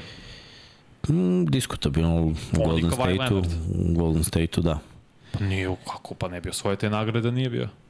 Ja branim Draymond Greena kog ne volim uopšte, ali to je činjenica. Draymond, da. Hvala. Ovaj, znaš šta, nisam siguran da, da je ta ekipa Golden State-a najbolja od svih ovih koje smo prošli od 10 timova na listi. Dobro, ajde sad ne znam koja je ekipa bila Boba Cousy-a, mislim znam da Dobro. je igrao Bill Russell Bill koji onda ima Russell. 11 prstenova i bio je svake godine najbolji igrač i zatvorio je Wilta Havlića, Chamberlaina, da. ovo ima najboljeg strelca svih vremena do pre koju nedelju, mesec, dok ga Lebron nije prešišao, mislim, Dobro, ali ne bi igrali NBA finale Warriors i te tri godine za redom što je Kevin Durant bio, pričam 17. Ne, ne, s 18. Durantom to je... To je bilo kad je došao. Durant, to ono ko tri igrača da si doveo. Toliko vredi Kevin Durant u ono vreme kad je došao. Tako je, i kad uzmemo u obzir da skoro svake godine kad su Warriorsi dolazili do finala i osvajali, nek, neki tim je imao ozbiljnih problema sa povredama ili dve, ili dva tima. Znači, do kraja života svog ću pričati da bi, da, će, da bi San Antonio Sparsi 2017. prva godina sa Durantom osvojili NBA titulu da ga Zaza nije povredio i ono uradio. Voli su Vrlo 20 verovatno. razlike u prvoj, u prvoj utakmici, oduvali su. Vrlo verovatno. Vrlo verovatno. Izgoreo sam kad se to Isto. desilo. Isto, znači to je bilo nameran faul on u životu, ne, nisam, ne želim da vidim ikada. Tako da zato imaš, da, ima to začkoljica, opet, di, oni su bili dinastije, imali su sreće s povredom 2015. Ako gledamo, povredio se Kyrie Irving u prvoj utakmici u, play, u produžetku, Kevin Love se povredio pre toga, Cleveland je bio LeBron James, Matthew Delovedova i Moskov, malte ne. Opet, to se vratilo 2016. jer je Draymond Green na svoju grešku bio suspendovan, 2017. došao Durant, znamo šta je bilo, 2019. se do nekle nivelisalo jer su oni imali nažalost povrede, Clay Thompson, Kevin Durant. 2022. Mo, kad su svojili u poslednji prsten, Morant je imao probleme sa, pa- sa povredama. Dame Koliko Memphis, aktivnih igrača imaš na listi? Dvojicu. Paul i, i Steph. Ako Stef da Ako Stef omogući Polu da osvoji prst, Da, oni sad igraju zajedno. treba ga staviš na broj 1. onda. Ne. Ja mogu stavim ispred Magic Johnsona. Magica. Uh, gledaj. Magic je uveo neku evoluciju. On je spasio NBA. Magic je uveo evoluciju, bez Magic je bio takav lik, On je igrao sa takvog na lika, licu. takvog lika nema više, takvog lika nikad neće biti. Ta, takav, kad je neko takva ličnost, kad je neko takav li imao oko sebe tu auru, razumeš, ba, baš pravi show. Mislim, čak i kad je bio taj Dream Team, on je išao s tim Dream Teamom već na ono zalasku karijere i nije to više bilo to, ali je znaš šta, ušao je u taj tim i dono im je dušu. Znači, i dono im je sprdnju, neko zezanje, neku vrhunsku atmosferu koju su oni imali. Ma Magic je mnogo više od igre, u stvari. To je poenta. Bio je on vrhunski igrač, naravno. Hoću samo kažem da je Magic imao najbolji igrač od svih ovih drugih igrača, sa igrača na spisku. To ne umanjuje njegovu vrednost. Verovatno bi sa si u slabim pravu si, sa igrač. apsolutno. Nije bio salary cap, razumeš, mogu se doveš koga hoćeš, bukvalno, a svako bi teo da igra s Magicom, da se ne lažemo. On je bio anomalija na poziciji mislim da je najviše od svih ovih igrača na listi i to 2.05. ubedljivo. Razumeš, ovi drugi momci su ispod 2 metra, svi. Mislim da da, da je Oscar Robertson bio 195. Uglavnom su 6-3 i niže. Mm. -hmm. Tako da, znaš, Magic Johnson je baš anomalija. To je ono lik koga si pronašao Što ti voliš. vanzemaljac. Ne, ne, Bez on je gledanja, kako hoćeš shot pod. Sve. Show. sve, on je, on je baš bio show. Steph, meni lično, ima najelitniju završnicu i zbog toga što je vrhunski šuter za tri, što znaš da će da ga okine za milisekund, ti priđeš bliže i on gurne loptu u dribling i uđe i levom rukom o vrh table da zavrne nije problem. Desnom rukom o vrh table da zavrne nije problem. Levi floater, levi dvokorak, desni floater, desni dvokorak, poludistanca. Znaš, to, to je nešto elitno što on ima. U svih ovih na listi Steph je najbolji šuter. Ubedljivo, Steph je najbolji šuter ikada u NBA-u. Curry ima jedino ono što Kobe Bryant ima, to je da je osvojio dve titule sa igračem, sa igračima koji nisu bili u top 75 najboljih igrača proglašenih strane NBA. Kada Steph nije ušao sa ekipom, kada su bili povređen u playoff jer su igrali play-in. Tako je, 2021. Čini Tek se vratio iz povrede i bio je, brate, neverovatno. Bio je ne, nerealno dobar. Steph Curry sa kikicom. Te godine. Sa krš timom. Još su play-in, bili su koji 10 i 9. Steph je brutalan. Steph je broj 2, da ne umanjuje njega. Mislim da ne možeš da pređeš Magica Johnsona. Ne, nisam ni rekao da treba da pređeš Magica Johnsona. Naročito dok je još igra. Zanima me šta treba još da uradi da bi prešao Magica Johnson. Šest titula. Šest titula. Šest titula. Magic je bio devet puta u NBA finalu. Zapad je išao kroz njega decenije. Moraš si išao, moraš da pobediš uh, Lakers. Prosto si morao. Ne znam koliko se puta igrali finale konferencije, da li 11 u 12 godina ili u 13 godina, što je suludo. Tako da, ok, opet, format na početku, kao da se ponovimo od 84. je format od 16 timova, što znači da su Lakersi, jer su bili najbolji seed na početku 80-ih, često i propuštali prvu rundu, ali to ne umanjuje uspeh da ti skoro si svake godine u top 4 tima u NBA-u igraš finale konferencije, da imaš vrlo, vrlo dobre, do odlični saigrača, opet i Karim Abdul-Jabbar je usporio u kasnijem doba u svojoj karijeri. Pa kad, kad se nadavao miliona koševa, onda je usporio. Tu se pojavio posle James Forti, koji je stvarno bio brutalan igrač, da se razumemo, imao je i Bon Nixon, ili kako se već preziva, Beck koji je isto bio all-star igrač, bio je i Jamal Wilkes isto. Imao je super timove, Magic Johnson. Ja za ljudi pišu, zamisli Stefa protiv Bad Boysa. Brate, Stef, ne, mislim, zamisli Bad Boysa protiv Stefa, stajali bi na trojici i čekali Tako bi, on bi šutnu s pola. Mislim, Tako je. ne možemo da poredimo ere. Ne može, to, to i nije ideja. Tako je. Zato ne pričamo o veštini, već o greatest, onom o dostignuću celokupne karijere nekog igrača. Druga era skroz, ne znam da li bi ovi mogli da igraju s njimi ili i obrnuto. Iskreno. Redki su igrači koji bi mogli da igraju svakoj eri.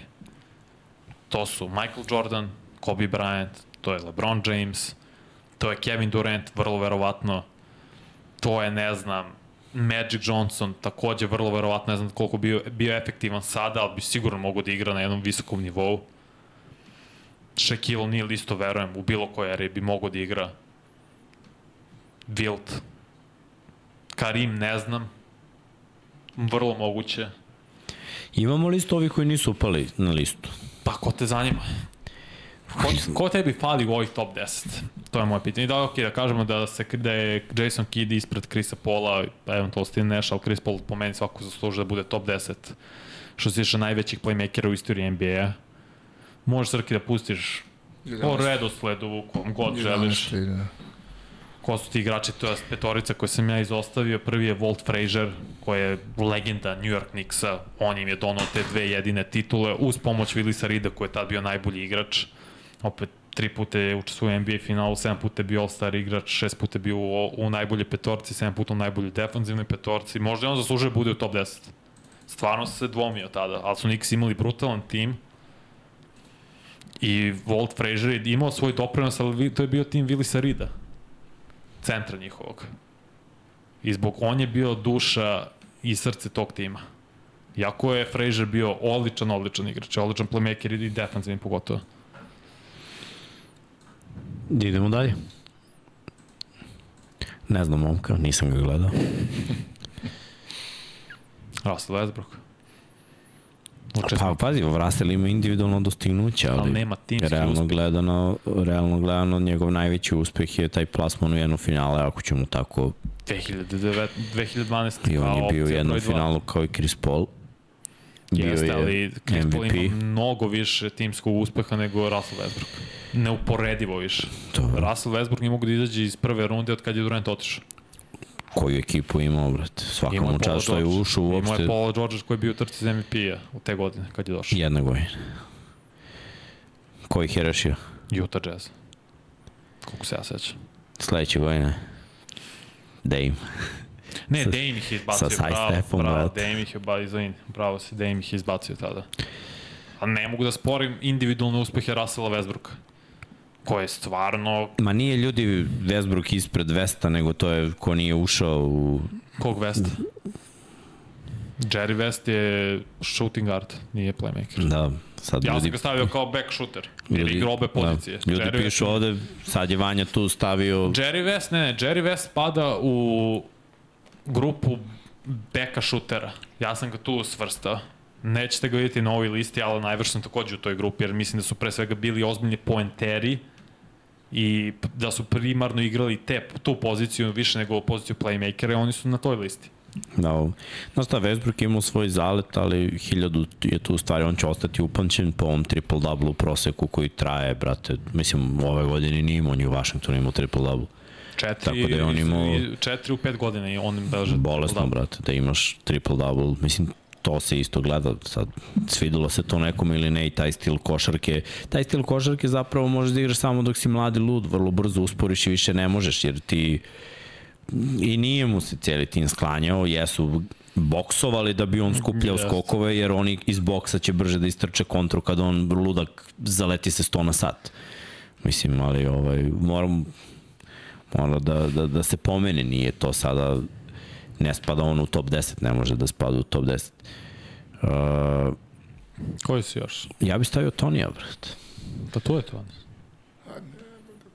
Stavi, da, stavi prvo ide redosledom tim ko je, kako je, pa ali tu je Tony Parker, Dennis Johnson isto je bio ta era kasne 70. početak 80. i Dennis Johnson bio fenomenalan, bio je šampion sa Supersonicsima baš. On im je donao prvu titulu u istoriji franšize, bio šampion sa Boston Celticsima, šest puta učestvovao u NBA finalu, pet puta bio all-star igrač, devet puta je bio u defensivnoj petorci za beka, to je nerealno. Da, ja mislim da Toni treba bude u top 10. Tony Parker? Tony Parker. Umesto koga? Mesto Krisa Paul. Oh, Od aktivnih igrača, od aktivnih igrača stavio bi samo Stefa. ne, ne. Pa stavi ga u si, Krisa Polu u situaciju koja je bio Tony Parker. Igraš sa Timom Duncanom, najboljom četvorkom ikada. I igraš sa Manom Ginobilijem, jednom Pick and najboljim. roll je igra dva čoveka, ne jednog čoveka. Ne možeš da igraš pick and roll okay. sa zidom. Pusti Chris, pusti, bože, sačuj, pusti Tonija Parkera, da vidiš individualni uspeh Ajde, Parkera. doćemo do njega, vidimo sledećeg. Idi sledećeg prvo, pa ćemo da Tonija. Dame. Opet, ja razumem uspeh Tonija Parkera, to je timski uspeh, on je bio možda jedne godine najbolji igrač, ali ovo pričam sad o Lillardu koji je 7 godina za redom All-Star igrač, All-NBA igrač, samo stavio ruki godine, jer nema timskog uspeha. To je ono što fali Lillard da pređe, da je tradeon u Miami sada i da bude glavni igrač u tom hipotetičkom šampionskom timu sledeće godine Miami Hita. Lillard bi skočio u top 10. To zahteva da bude MVP finala, šampion, on bi skočio ispred Gary'a Paytona. To je moć mm. jednog prstena. Ne, Oh, brate. ima taj jedan prsten. Ne, ne, jedan Drugo prsten mogu. kao, M, kao e, MVP finala, kao glavni igrač u šampionskom timu, mnogo znači. Mnogo znači. Ali to je, brate, znaš šta si imao zadu ti, to je nemoguće, mislim. Pa to Za je- njega nemoguće mi se ode u Miami za No, početak. početak, da, ja sam rekao u hipotetičkom nekom scenariju, u zamišljenom svetu, da smo da se to desi, to ja bih ga tako katapultirao. I sledeće je naravno Tony Parker. I meni, ja ne mogu prosto, jer Tony Parker falio taj individualni uspeh da konstantan bude među najboljim playmakerom. Da li si ikad pomislio da je Tony Parker najbolji playmaker u NBA? Men, meni je bio najbolji playmaker. Imao je, imao je eru.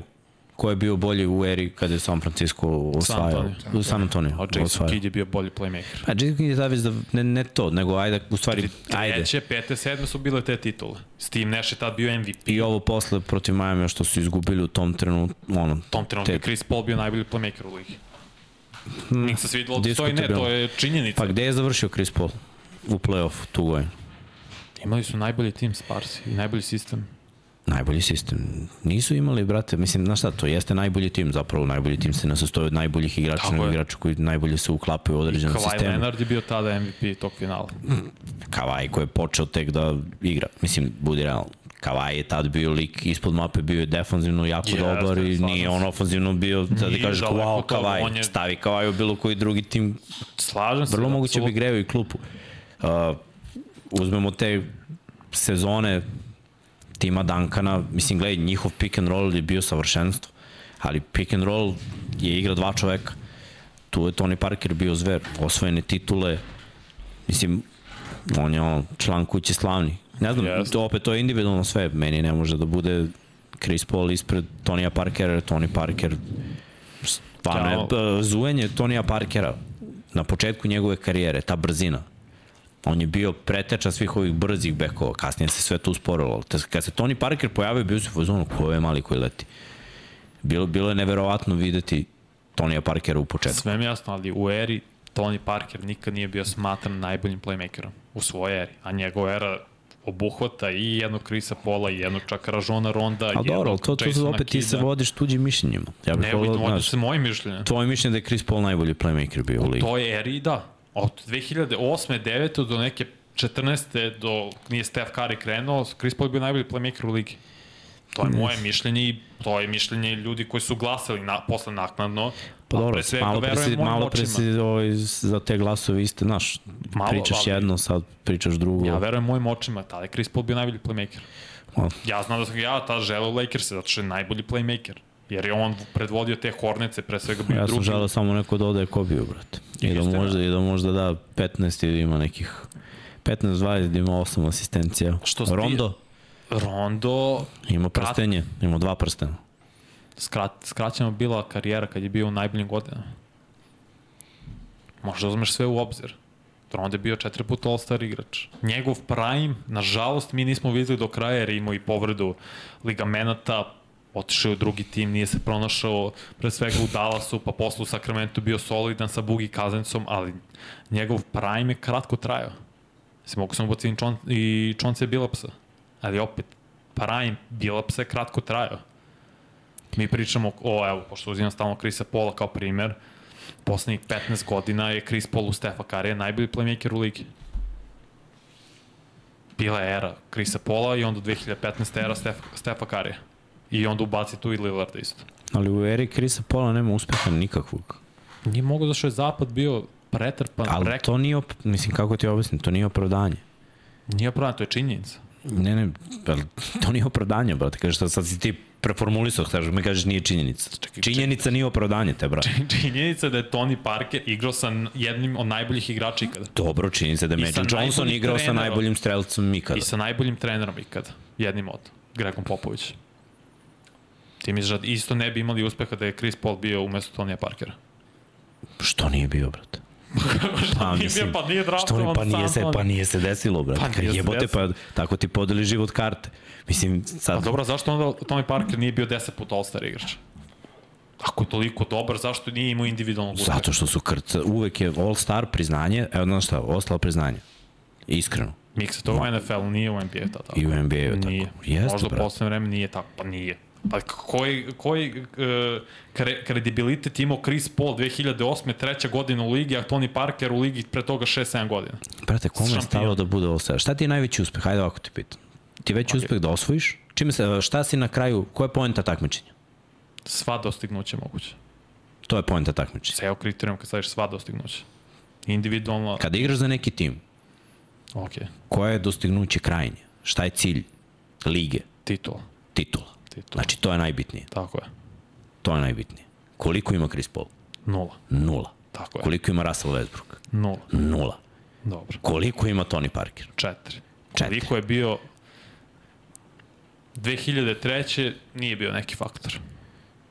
Pete, dalje je bio Tim Duncan najbolji igrač. Sedmi isto mogu da napravim, slučaj je bio Tim Duncan dali su Tonio Parkeru, kao što su dali Igu dali 2015. mesto Stefu. 14. bilo Koja najbolji godina sistem. bila kad oni ne bi prošli da Tony nije dao buzzer beater? Ne mogu Ne setim znam koja je tačno bila. na što ludiraš. Jedna godina je bila kad je Tony pogodio šut za... Bazen, Ne mogu da se setim. Ne znam tačno na koju godinu misliš iskreno. Jedna godina je pogodio Tim Duncan, pa ga je onda pregazio. To je bilo 2004. Hej. Hej. je Fisher pregazio. Fisher ga je To je bilo pregazio. 2004. A onda par godina posle je Tony baš, baš izgrmao. Ne mogu da se setim, bilo je ih je dosta. bilo. Ja znam da, da su isto te San Antonio Sparse koji su branili titulu, izbacili LA Lakers i Da. da. Kobe Bryantom koji je šutno dva bacanja u proseku u čitavoj toj seriji. Sa Pa. lošim timom. Da. Mislim ovako, kada govorimo o najvećim, ne bismo u top 10 da bude neko ko nema titul. To Pa je, dobro, po toj logici ne treba ni Jason, ni ovaj Steve Nash da bude, ne treba. ni John Stockton ne treba bude. Stockton je rekorder po broju asistencija ikada. Chris To je je, 12 puta All-Star igrač i 11 puta ali to je bio- All-Star igrač. To je, u čemu je rekorder? U čemu je najbolji ikada u NBA-u? Chris Paul. I Steve Nash. U čemu su najbolji ikada? Steve Nash je bio MVP dva puta. Chris Paul nije ni bio MVP. Šta je već, MVP ili All-Star? Ne mogu tako da gledam. Gledaš uh, stvar, uh, nešto što je neko uradio u jednom periodu, ovo je radio duže. Jesu, Bio je dobro, drugi, št- ok, Chris ti Paul si je bio All-Star. Chris Paul je bio drugi put. Ti si bio All-Star, ja sam bio All-Star. Ok, ti, Ti si bio MVP, osam ja puta. nisam. Ok, Neka sam ja bio 10 puta All-Star, a ti Dobro. dva i bio dva puta MVP. i šta to znači? Ti ja imaš imam nešto, ti imaš nešto što ja nemam, brate. Ne znam čim bolju karijeru od tebe. Ali ne pričamo ovde o karijeri, pričamo o tome ono A dobro, sve, ko je okej. najveći. Znači ti Chris tvoje... Paul je bio drugi u glasanju 2008 za MVP, a Tony Parker nikad nije bio top 10. Nije. Zašto to? Zato što nije dovoljno dobar bio. Chris Paul je bio u jednom trenutku bolji, ali ovde ne pričamo o, koli, u jednom Pa trenutku. ne, ne, ja nego pričam sve vreme je bio Chris Paul bolji od Tonija Parkera. Kad god uzmeš kogod period karijeri, Chris Paul je bio bolji igrač od Tonija Parkera. Mm. Ovaj se nalazi u mnogo boljem sistemu sa mnogo boljim saigračima. I to je stalno bilo tako. John Stockton ima najviše ukradenih u istoriji ligi To smo rekli, znam. i najviše asistencija. Da, da, to smo rekli. Nema titulu. Nema. Stoji. Jebi ga, isprečio se ne, Jordan. Ne oduzimam za zlo što nema titulu. On je To- jedini koji može da bude na ovoj listi, realno gleda. Titula nije glavna stvar. Nije. Možda Gleda se- celu karijeru i, gleda se i mnogo dužinu toga. neče karijere. Gleda se mnogo Zato toga. Kawhi Leonard nije u top 5 najboljih krila i kada jako ima dva prstena i dva MVP-a u finalima. Zašto? Što je njegova karijera, kad uzmeš, zbog povreda, nažalost, i zbog njegovih odluka da igra manji broj Brate, utakmica, pa Chris Paul je prvi lik koji se povređuje svaki put, u brate. Kao, play-offu. Okej. Je tako? Povredi Jel nije? Koliko, koliko je završio serija? Koliko nije završio seriju u poslednje četiri koje je igrao? Nije završio ovu ove godine, nije završio sa Houstonom, nije završio sa Phoenixom, onu. To je završio? Završio, ali je bio povređen između ostalog. Je tako? Okej. Brate, moj Burazir Hodović povreda. Znaš koliko je Stockton u karijeri propustio utakmicu, koliko. Chris Pa je Paul ispred. u jednom play-offu, brate. Zato je John Stockton ispred. Ja ne mogu da stavim Tonija Parkera, nije mi nikad bio bolji igrač od Chrisa Paula. Ne razumem zašto ljudi imaju toliku antipatičnost i hejt prema Chrisu Paulu. Ma nije prema Chrisu Paulu, nego... Ne, ne, nisam. On, pazi, dalje igra, ali zapravo nema nikakav... Njegova Veliki više uspeh, značaj da, usp, da i osvoji poslednji voz je bio 2021. za Chrisa Paula. Pa i tu se šlepao, ali ajde da Nije kažemo... ma, šlepao, znači- šlepao se, brate. Miksa. Sanci su imali ispod 50% pobeda sezonu pre i kad su i došao, oni imali su najbolji skor u ligi. Zato što on učini tim boljim, niko ne kaže da ne učini. Kako se šlepa onda ako je on glavni razlog zašto su oni došli do finala? Šta je uradio u finalu? Dobili su prve dve utakmice u finalu. I, I? šta je onda desilo? Devin Booker je istego zadnju ložu i bio je povraćan. Gde je onda Chris Paul? Nije mogo da nosi tim više. U Nije mogao da 16. nosi. sezoni. Nije Tako je, mogo. ne može u 16. sezoni. Znači, Chris Paul je igrao je, je igrao najbolju košarku u 2021. u svojoj karijeri. Nije. Nije. Znači, ipak je trebao da neko bude broj 1 u toj ekipi, je tako? Pa dobro, ali ko je, on je bio broj jedan. Ko je vozio autobus? Chris Paul.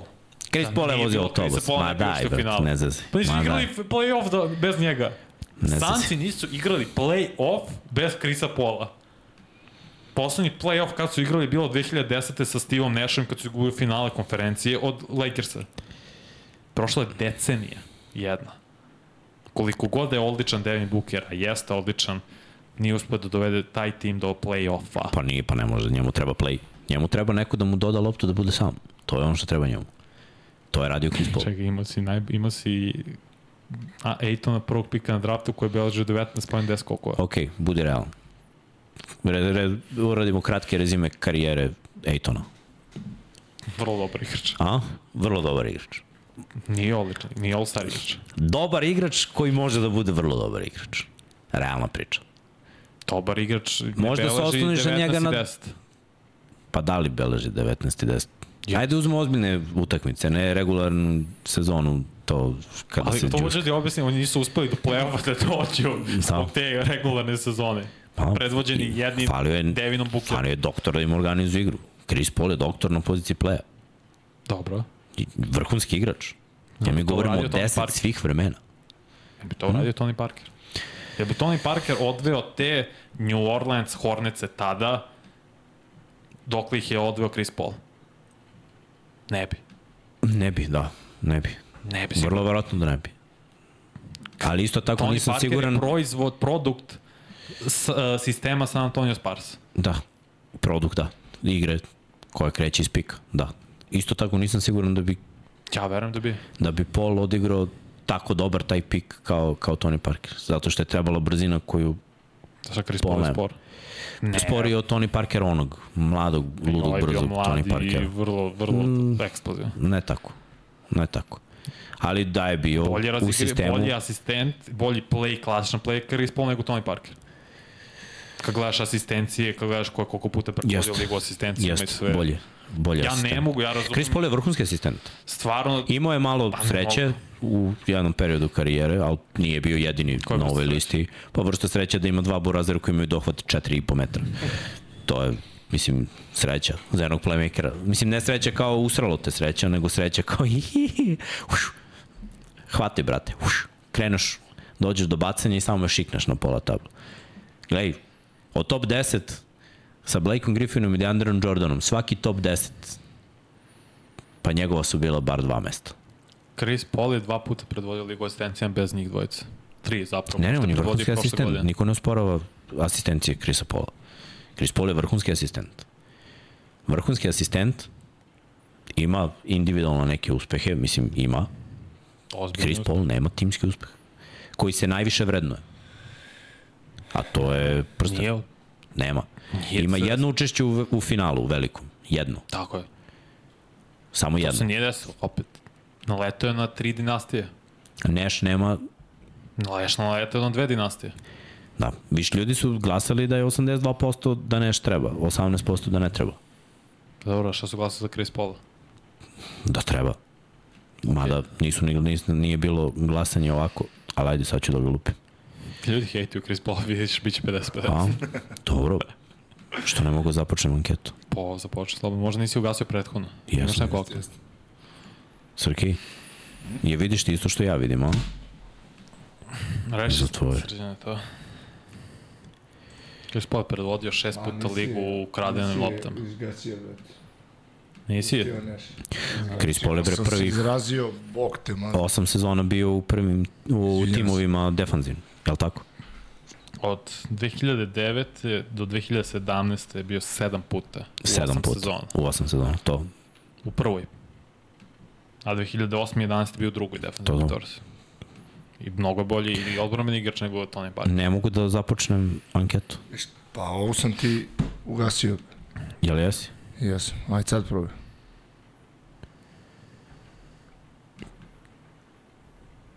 E. Ne mogu i ne dalje, brate. Ima nekog kog smo zaboravili, brate. Pa ima Billups, Earl Monroe, sad kad gledamo dalje ovi playmakeri, Ražona Ronda nisam stvarno mogao da stavim baš zbog nedostatka sezona gde je igrao na visokom nivou, kad kažem visok nivou, mislim pre svega na all-star nivo. Na toj poziciji, jako je bio šampion, sve to stoji. Gilbert Arenasa možda, mislim, opet nije, nije dovoljno sezona igrao na jednom vrlo visokom nivou od ovih mlađih playmakera, John Wall isto nije dovoljno dugo igrao na visokom nivou. Dončića, baj da ga stavimo na poda je playmaker, ako je više kri, uša kao krilo igra, de facto playmaker je još je rano za to. Mark Jackson je bio... Pa ne možeš da uzmeš aktivne igrače, brate. Prvo, to je glupo. Jer, pa ne mogu, samo nabaram sada. zato što, znaš, ništa nisu radili. Još uvek, u svojoj Ovi karijeri. mla- mlađi. I pritom mogu da urade još mnogo. Sad njih da staviš u situaciju, uopšte u razmatranje, nezahvalno. Samo sam stavio Lillarda zato što, ok, 11. sezona odradio je većinu Taj, NBA karijere. I to je ono, bez veze, Staviš ga u top 15 zato što je učinio toliko već. pa šta je učinio? Individualno jeste. Pa, individualno pričamo. I to spada u Timski to. njegov najveći uspeh je plasman u finale. Tako konferencije. da je bio počešćen od strane dinastije Warriors. Nije ovaj, nije realno, znaš, treba, mislim za Lillarda prvenstveno treba da ode u neku ekipu koja je konkurentna pa da ga vidimo jer oni su imali dobru ekipu dve godine. To je ta ekipa koja je bila sa Aldridgeom, sa McCallumom, ovo ostalo je, evo ti Borazeru dribla ekipa pa nešto uradi. Pa otišao odmah, godinu dana nakon što je došao Lillard, nije, nisu, nisu ni uspeli da stvore zapravo, Nije bilo su konkretan tim. dve godine. Zajedno. Ok, Ali nije, nije bilo nije stvoren. uspeha, brate, nije, Nije, bilo. nije. Ni, Pa ne, nisu napravili je- tim i onda nije fair ni prema njemu. Ne može, Nema fair, ne fair.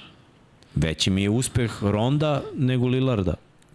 I, razumeš? Zato što koliko god bila mala karijera, Meni nije zato što je Rondo bio četvrta opcija u tom timu. N- Uloga u timu je meni vrlo važna. Nije mi veći uspeh Ronda nego Lillard. Rondo ne, nema taj kapacitet da predvodi tim sam. ali brate, radio je dosta A stvari radio za taj super, tim. Pa brate. jeste, ali se znala hijerarhija. Pierce, Garnett, Allen, Rondo. U jednom momentu je bio Rondo Allen. Pa se onda to Rayo Allenu nije svidelo, pa je otišao iz Celticsa u Miami. Ali se znala hijerarhija. I glavni igrači su bili Garnett i Pierce. A onda pozva kao motorac. Pa nije bio glavni igrač. Ne, ne, nije bio, Nije blizu. niko ne priča da je bio glavni igrač. To pa uloga u timu. Ali je znao da napravi Znao je. I Bilaps je bio pravi lider takođe. Predvodio svoje timove do sedam uzastopnih finala konferencije. Zašto ti Billups nije u top 10, u top 15? Zato što opet gledaš Billupsa i taj uspeh, ta jedna titula je pre svega zasluga celog tima. Billups nikad nije imao toliko individualno uspeha, bio je pet puta All-Star igrač i par puta, čini mi se, samo All-NBA igrač. Kad razmišljaš o najboljim playmakerima u njegovoj eri, on nije bio u top 2, top 3. Uvek su bili Kid i Nash i posle Chris Paul, Tony Parker, kako god. Moramo i to da uzmemo u razmatranje jer Kažu računate Iverson kao Back shooting shooter. guard, a Magic bio MVP finala kao centar. da, Kaže, mnogi su igrali više pozicija. Pa dobro, ko je još ovih play-eva igrao? Ajde, dobro. Da ubacimo, da kažemo da Iverson play je u top 10. Naravno da jeste, ali nije play. Koga izbacuje? Ok, hipotetički, brate. Ispacujemo, pa to je logično, ono ko je na poziciji 10, znači Nash, bi izašao onda iz toga. I Iverson je broj 10. Ne, ne, ne, ne, ne, nisi to rekao, rekao samo izbacujemo Nasha, izbacujemo jednog. Ajde sada pretombo, izbaci Neša i ajmo. Ubacio si Iverson. Chris Paul.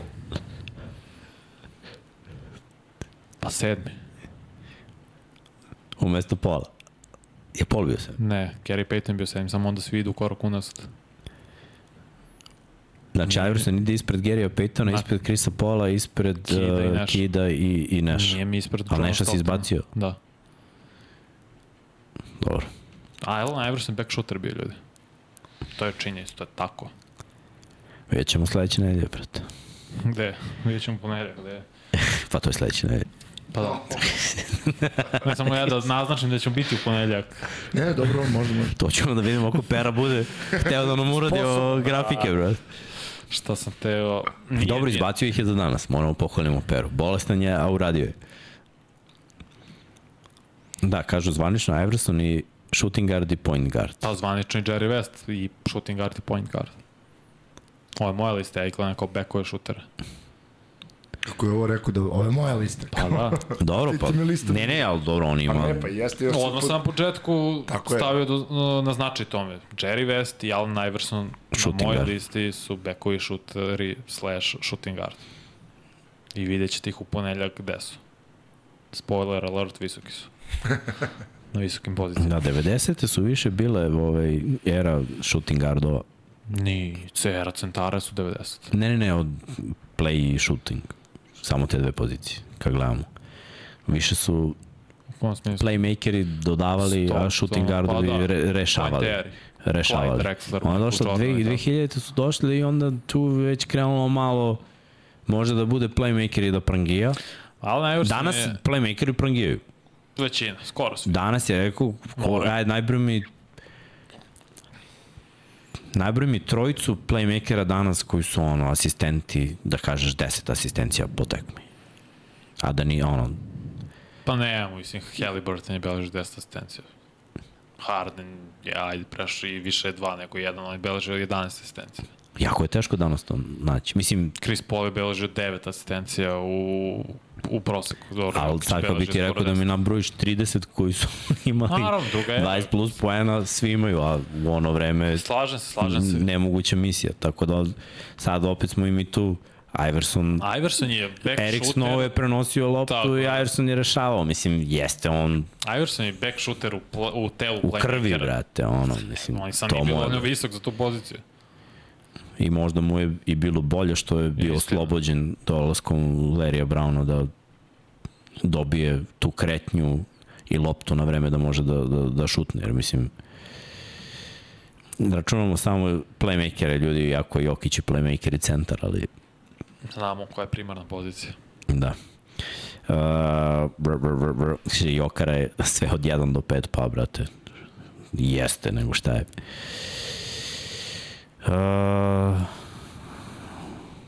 dobro. Da, ja ne mogu ovo da pustim, ali dobro, nema veze. Prolupao je, brate, YouTube totalno. Možda zbog toga i nije bilo notifikacija na početku. Hajde ugasi YouTube i probio upali, Ma vidiš da. da će uspeti. Ma neće. Nije do Hroma, mislim da je do... Pa ne, zato kažem, mislim da je do YouTube-a, sam ugasi taj tab YouTube-a, upali ponovo. I na drugom tebu neće, brate. Ništa, Tri teba su mi otvorene. možda zato neće. Never. Pa gledam ono na što imaš da pratiš studio kao YouTube, Znam, znam, znam. ali džaba. Uh, dobro, ajde, ajde ovaj da kažemo da, da je to to. Im, nemamo onaj spisak da je cela lista, a? Nema, pera Nema. moglo. Dobro, nema veze. Izbacio je Vanja tu svoju listu, ima dva igrača iz daleke prošlosti, što je okej. Okay, Fauzija i, i Oskara. Robertsona. što ono, što je skroz okej. Okay. Uh, mislim da će ih biti možda i više, ali To do, ne, nije bilo toliko dobrih igrača. Mislim, bilo je, ali da ne pa vidjet ćemo, vidjet ćemo na, na ovaj, Mnogo je teško bilo za playmakere, teže nego za bekove, šutere, šutere i za krilne pozicije. Svrstati playmakere, pogotovo na poziciji od 7 do 10 je bilo pakao. Pozicija 1, 2, 3 je lako, čak i 4, 5, 6 je ono do nekli je i bilo jednostavnije, ali ovo od 7 do, do 10 je stvarno bilo, mogu i opet, kažem, 11, 12, Walt Frazier je bio fenomenalan playmaker. Mm. Jedine titule u istoriji New York Knicksa je, su doveli oni, naravno Willis Reed kao centar, jedan najboljih centara takođe ikada, to je najvećih. Dosta je, o, dosta vrlo dobrih doličnih playmakera bilo u istoriji NBA. Baš, baš veliki broj. Dobro. Ajde, vidjet ćemo kako Znači, idu Tony dalje Parker pozicije. ude u top 10. Ma ne znam. Ne, ja ne, znaš šta, ja ne bih stavio nijednog igrača koji igra sada. Nijednog. Dok ne završi karijeru, ne mogu uđi u top 10 najvećih svih vremena. Da, to je baš okrutno. Pa, brate, igri i dalje. Rezime je komplet- nepotpun rezime. Je, pa dobro, ako imaš dovoljno dobar rezime, ako je Ja bi pravio po erama. Ne bi pravio ovo. Nikad najvećih svih vremena. Napravio najveći sada od 2010. pa i dalje bi Znaš, ono, 90. 2000. 2010. i sada. zapravo. Po decenijama, tako. I tu bi... To je zato Pa- što do... Ali je realno, ali je lakše, brate, i pravednije je. Jer onda, znaš, imaš 10 iz 90-ih, ili 5, nebitno, ali znaš da su igrali u istoj eri i onda, znaš, ovaj nije, ovaj jeste, ovaj ovako, ovaj onako. Stockton Nemaš Evo ovo, ti Stockton, krenuo 84. Jer ćeš staviti i u- i 80 i u 90.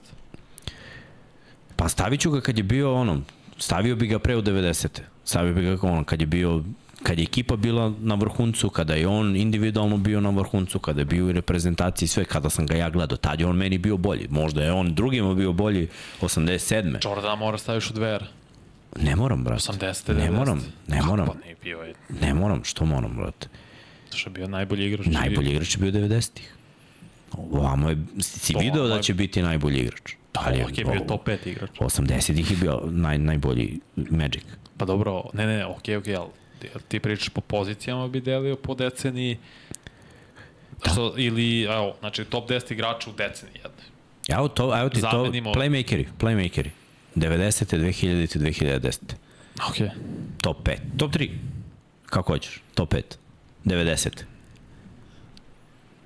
A Izeo mora da staviš da bude. I Da, Stockton. Isaiah većinu, Ne mora da bude sad rangirano ne, ne, Isaiah većinu uspeha imao 80-ih. kad su osvojili. 89. 90. 90. Znači, ajde da kažemo, to je to. Pa, Početak 90. Jedna go, jedna titula je 80. Dobro. Ali on je igrao i dalje posle 90. Igrao je igrao. do 93. Eto, stavljam ga 90. ne bi pravio listu 80-ih, brate. Nisam gledao košarku A 80-ih. da, većinu se od karijere je odigrao 80-im i tad je imao najviše uspeha. Tad je skoro sv, sav uspeh imao u Imao je. 80. Činjenica. Stavio bi ga da je igrao 90-ih. Igra od tri godine. Eto, igrao je. On bi mi bio jedan od. Ne bi mogao da naborim 10 playmakera 90-ih, a da on ne bude tu. I te tri godine ima bolji uzorak nego neki koji su igrali od 90. do 2000. On, Vrlo verovatno. Gary Payton, Stockton, Tim Hardaway, stariji, Mark Jackson, Bio bi mi Penny Hardaway lagano, brate, u top 10. Penny Hardaway. Mali uzorak, ali ono što je radio Penny Hardaway mali. kad je ušao u ligu je bilo, brate, impozantno. Penny Hardaway je jebeni ubica. Još jedan onaj što je prednjačio. Eto, povrede su ga uništile. Yes. Ali Penny bi Eto, bio Penny da je nastavio da nije imao povred, bi bio lagan top 10. Kao što bi Grant Hill lagan top 10 bio na poziciji 3. vrlo verovatno. Vrlo verovatno. Lagan i lagan. Ali veći je plafon imao Penny nego Grant Hill. Zato što je konkurencija, slični. konkurencija je bila slabija na playu nego što je bila na trojci I u to vreme. da. Da, to je dačno. Na trojci, brate, najzajebaniji igrači u ligi su bile na trojci. Ne, ne, tada Dvo, je- dvojici, trojici. A brate, trojici. plevi su... Mogu si da se istakneš lakše. Ti si odmah primetio Penija. U, kako, kako kako ga su primetiš? isklopili, on je odmah bio primećen, brate. Sa 198. Visok, kuca, asistencija, atraktivne, osjećaj. A, o čemu se sad radi? Sad ljudi bacamo u eri, znači u godinama, u dekadama, top 5. Na vrhu glave.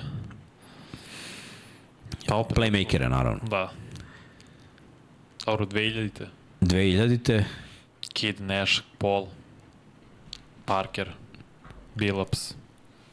mora Chauncey da bude u 2000-tim, brate. Da, pa rekao sam Billups. Da, da, da. Hoću da ga, vidiš, zaslužuje da bude pohvaljen, brate, za sve ono što je uradio u tim godinu. Ma, ko se svađa, ljudi misle da je ovde ovo je normalna priča, nije ovo svađa, ovo je rasprava i zezanje. Vidite, smo nasmejani. Samo kažem, meni nije fair da, da bude, da misli Chris Paul sad osvoji ove godine, oni ne znam, odlučio još jednom da igraju, on osvoji dve titule, Chris Paul je top 10 bez dileme, brate. Ne, svakako top 10, ali Ne samo da, da je bez dileme, nego to neće biti u ovom gore, možda, znaš, možda Neće skočiti. i da se spusti malo dole. Ne. Neće zato što nije najbolji igrač u šampionskom timu. Nije ni drugi najbolji, ne bi bio ni drugi najbolji igrač. Otkud Ne bi bio znaš? treći najbolji igrač. Otkud znaš, brate? Pa što znam da bi veći utjecaj imali Andrew Wiggins kao što je imao kad su uzeli titulu i eventualno Draymond Green. Šta ako, brate, Chris Paul sad krene da asistira kao lud, razvali? Chris Paul bude beležio 15 pojena i 13 asistencija, onda okej. Zamisli što je nemogu, nije nemoguće, brate. Dobro, ja Nije da nemoguće. neće desiti. Mislim, Znači- ovim šifrašima, brate, 13 asistencija, malo te ne možda Ja, ja skupiš. vidim samo jednog šifraša, to je Steph Curry. Dobro, Clay Thompson mi više nije šifraš. vratit će se sad kad dođe Chris Paul, pa kad mu namesti otvorenu trojkicu. Ovo da kažem da Clay Thompson nije u top 10 najboljih bekova ikada. Pa, mislim, i nije Najvećih. šutera, mislim. Ne, ne, On spot up shooter je jeste, ali to je, mislim, ne možeš da odvojiš to od pozicije. Koje, kad je Clay sam na trojici, kad raširi nogi i dobije loptu, onda je najbolji šuter. I vezat će 50, Jeste. pa, brate, samo koliko puta u igri će to da dobije, nije baš realno. Ali da ima taj snajper kad ga namesti, A to je druga stvar. To je druga On stvar. je, pored Stefa Karija, vrlo vjerojatno drugi ili treći najbolji šuter ikada. To je skroz druga stvar. ajmo, malo smo stali s ovim playmakerima, 2010. Desete sada. Derrick Rose, mora da bude. Bio je MVP, mali uzorak, ali brate, Izuzetno mali uzorak. ali brate, Izuzetno to malo mali što smo videli, Lillard, Wall, Westbrook, Steph, pa ne znam da li vola mogu da stavim, Pa, brate. Da ga ne stavim, ti bio Pa- 3-4 puta All-Star igrač u 10 A godina. bio je, brate, ali Kako ga ne stavim? Ne mogu da ga ne stavim. Mislim, bi, Više- bili su odlični playmakeri. Mike Conley nikad nije bio All-Star igrač, pa je bio odličan playmaker. Stvarno jeste. Conley je opasan igrač. Kako nije? Ne znam, Sad razmišljam o ovom motam film u glavi Kyrie Irving, mislim, bože, sad ću kako se to mogu zaboraviti. Pa ne, ozbiljno. dobro, ima i Kyrie i, i prsten i, i sve. Ko još, ko još? Kyle Lowry takođe. Mm, ne može A. da bude top 5, brate. Mislim, top 5 nabrajamo. Pa nabrem sve sada, pa ti svrsti da hoćeš. Lowry bio šampion i 5-6 puta All-Star igrač. Mislim, ja, to više uradio nego John Wall. Više radio nego Derrick Rose na kraj kraja. Možda zvuči brutalno, nije bod- igrač. 20. pitanje imamo šta je sa Wadeom. Wade je shooting guard. Shooter, I, i to odmah Nije playmaker, On je na trećoj poziciji.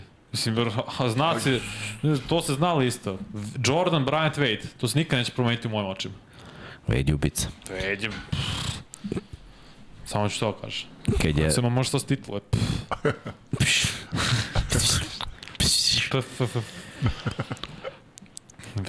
Ovo je institucija, brate.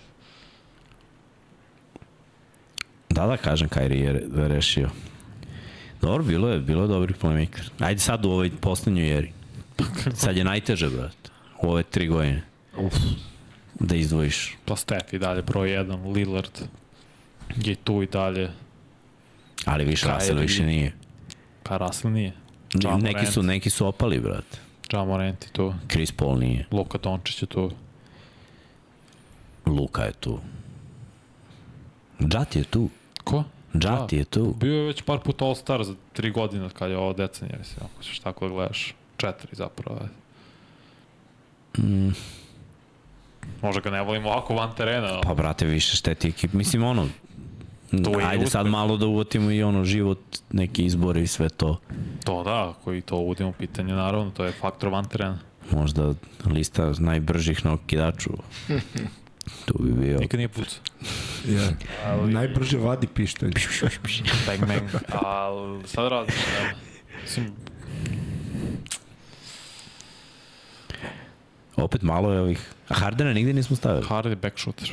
Harden je back shooter, a? on- i Kod njega lopta konstantno ruci, to ne, stvarno ne priznajem. On je back shooter po meni. Ja ga razumijem, predvodio ligu u asistencijama dva puta, stvarno da, ne, da ne mislite da ne znam šta je sve postigo i prebacio se na poziciju play u poslednjih par godina iz nužne potrebe, jer je krenuo da jer je počeo da igra sa KD-em i Kyrie-em u necima, pa posle sa Embiidom u Philadelphia, pa je morao zapravo postane playmaker, ali meni je Harden back shooter. Nije mi playmaker. To što je njega omogućio to što je njemu, pardon, omogućio uh, D'Antoni. Mike D'Antoni, tako je, da radi šta hoće s loptom i da divlja, to je druga stvar. O, stvarno To je omogućio i Steve Nashu. Na Omogućio kraju krajeva mu- sa tim Phoenix Sunsima, kako se ja sećam, on je bio glavni trener. U, jeste, ali nije na ovom nivou. Ono što je vežbao sa Nešom, usavršio je sa Tako Hardenom. je. On je upropastio Bryant u toj sezoni. Bryant je tad igrao u, tri, u 17. sezoni svojoj poslednjih mesec i po dana skoro 40 minuta, ako ne više po meču i to ga je dokrajčalo. Samo zato što su Lakersi bili loše jer su imali probleme sa povredama i Dwight i Artest i Gasol i Nash da je on morao da nosi čitav tim te godine i da igra po 40 i nešto minuta. Zato su on, se on povredio i zato ništa Lakers te godine nisu uradili. Dobro. U principu ja gledam ovde sve vreme pitanja i vidim da niste nešto bili ovaj, van, mislim sve vreme gledam pa kao ajde da uvažim i vaše mišljenje da vidimo ovako. Najjače kad su ove liste tu ima zaista ovaj, i zezanja i priča i svega. Je Fox?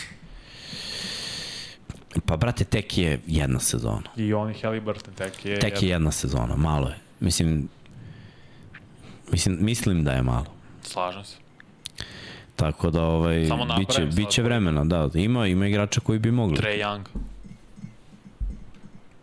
Uf, ja ne- njega ne- ne volim, brate. Ali je tri puta All-Star. Ali je predvodio ligu asistencijama. All Star. Pa kad izgubi pet lopti za 10 asistencija. Je tako? Jeste, ali tu je individualni uspeh njegov. Ne volim ga ni ja. Samo kažem ono što jeste. Što Može li. Miksa da napravi za sledeće misle svoje listu? Ne mogu, brate. To, to top 10, ja kad vidim mrak mi, roletna mi se spusti. jedva Ono. nagovorio na ovo. Ja ne volim, pa dobro, ja sam rekao ti pravi, ja ću hejtu, da je. Nije istina. Ali nisam mnogo, mislim, samo za dva, tri Za igrača. Krisa Pola. Pa zašto igra, brate, i dalje. I zato što, ne znam, Na, nije zbog toga. Nego I dalje mi, i dalje mi fali. nego Pa ne, ja, brate, gledaj, ja lično bi volao da igram sa, sa Chrisom Paulom. Ne garantujem da se ne bi pobili, brate. Neka, zato što i on, naš, meni nije lider, a odličan je playmaker. Odličan je playmaker. I oko njega ljudi prosperiraju jer on zna da ti da loptu u pravom trenutku gde treba. I, brate, neke njegove asistencije su... Šta me nervira kod njega? Ne vodi dovoljno računa o svom telu, stalno je, brate, povređen kad je najpotrebniji ekipi. I to, to je ono, to je jedino stvari što me nervira kod njega. To je ono što ja znam. Ovo drugo što ljudi pričaju, ajde, man me toga, to možda jeste, možda nije. Ali ovo je, znaš, ne možeš ti na tom nivou sa tolikim milionima Znaš, Ne mogu kažeš da ne vodi računa o sebi, ja to stvarno mislim da je više genetski, prosto je mali ma nije. igrač. S tolikim, 183 je s visok. tolikim parama, brate. Ne, jasno mi je. Samo opet, nije on imao uh, ozbiljne povrede u regularnom delu sezone Ma, da propušta on uopšte nema ozbiljne utakmica. povrede. Znaš koje su njegove povrede? Sadnje lože mekan od kiva. Tako je. To je problem. To Brate, plati lika da ti isteže, plati masaža, da brate, to radi. odmore. Ne verujem da ne radi. Stvarno mislim da to radi. Vidio sam neke njegove treningi u teretani, šta sve radi. Mislim da je stvarno genetski to. Opet sad zvuči da ja mnogo branim Chris Paul, ja sam ga obožavao kao mali, ali mislim da je to genetska stvar da prosto igrač sa tim, sa tom konstitucijom, visinom, kilažom, građom ne može da izdrži toliko dugačku sezonu. Pa, u ovom tempu sada, što sve brže i brže, pogotovo od 2010. ja kažem od 13. 14. pa nadalje, Dobro, to možda govori da nije za ovu ligu. Mislim, za ovu eru možda da. Vrlo moguće da da. ja verujem da bi on Da bio se vrhunski play za neku sporiju Da je draftom početkom 2000-ih, na primjer. On je draftom 2005. Da je Pa draftom možda 99. polovinom, polovinom 90-ih da je vratno i da je prošao to usavršavanje. Znaš, ja uvek kažem, svaki igrač mora da prođe 4-5 godina da izvali igru, da mu se igra uspori i sve to. I onda počinje, od, kad završiš u košarci, tih pet, sledećih 5 do 7 je tvoje vreme. Ali to, ali to je sada često slučaj. To nije bilo tako period, zato što su igrači ostali na koleđima. Zato što ja ne volim poređenjem Vemba Njame sa Davidom Robinsonom i sa Timom Duncanom. Duncan je bio 4 godine na koleđu. Robinson je bio 4 godine na koleđu, plus Dobro, ovo su, evropski, ovo su evropski igrači, znaš, to je dru- drugačije. Mislim, Opet, oni su došli u ligu sa 22-23 godine fizički mnogo spremniji nego što većina igrača sada dolazi nakon jedne godine koleđa ili jedne godine odigrane profesionalno gde god sa 19, eventualno 20 godina. I zato njima sad treba 3-4 godine da prvo fizički dovedu svoje telo na jedan eh, visok nivo za NBA da bi izdržali kontakt, da bi izdržali tempo i sad je totalno druga priča. Pre su igrači i ostali duže na koleđu i bili spremniji za NBA i odmah su mogli ranije da doprinesu. ali pazi, on, mislim, Chris Paul je Chris Paul je u trećoj sezoni bio drugi na što se tiče MVP kandidata. Ne mogu kažem da nije bio spreman, znaš, samo mogu da kažem da nekako mi deluje jeste on ušao ranije u ligu i sve, i sve to. Samo znaš, evolucija svih igrača ide ka tome da nekako prepoznaš da treniraju. Krisa Pola i Hardena ja to ne vidim. ja razumem. Razumeš šta hoću? To je slučaj bio i sa... Oni meni samo izgledaju, Williamsa. oni meni samo izgledaju okruglije. Kako vreme E, prolazi. Chris Paul mi ne izgleda, stvarno, u krugu samo nema Ne, tu u odnosu, u definiciju. odnosu na prve dane kad su ušli u ligu. Ne kao, znaš, da se kao sada debljaju, ne mislim na to. Nego, znaš, umesto, na primjer, gledaj, sve uglavnom igrači budu žilavi, nabace mišiće, del, dru, kako stare, tako deluju kompaktnije i jače. Chris Paul i Harden ne, brate. Meni su izgledali bolje kad su tek ušli, ono, prvih nekoliko godina u ligi. Ne znam da bi složio. Sad mi, sad mi izgledaju tromije. Izgledaju mi tromije. Chris Paul mi odove ovako izgleda ako mi se.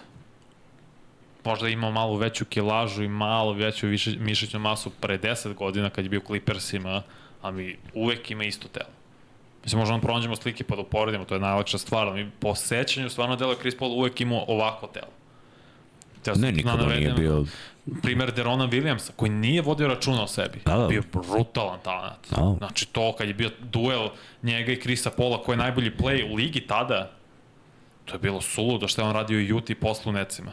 Da, da. Taj crossover, to nikad Bio ne je, zaboravite. ali eto i on ne, nije voleo, nije ulagao i nije, nije voleo da radi. Mislim, ja, ja verujem da Chris Paul stvarno ulaže, da ne ulaže, ne bi igrao toliko godina u ligi, ali možda je vreme za neki novi tim koji će da se brine o njegovom telu. Možda je vreme za penziju, 18, ulazi u svoju 18. godinu. Pa znam, ali na šta, 19. nije, zapravo. to je to ti pričaš sad, ali on je pre 5 godina isto bio povređen, tako. Znači, Da, da. možda je trebalo od 12. godine pozoveš brata Lebrona i pitaš ga, ja li te bra, šta ti radiš, šta jedeš, ko te isteže, ko te masira, gde je ono taj neko živi, daj brate ono da rade to i meni, jer mislim s tim što je ovaj vanzemaljac, ali tre, treba se ovaj, treba se postarati tako za, za svoje telo, znaš. Jer opet nije, Chris Paul nikad nije pucao na atleticizam, da kažeš ajde Kavaj njegova kolena, Kavaj jedno vreme baš divljao, pa ajde, bi ono, skakao je, dru- drugu kilažu nosi, mnogo veći frame, zato je moguće da, da je skloni povredama.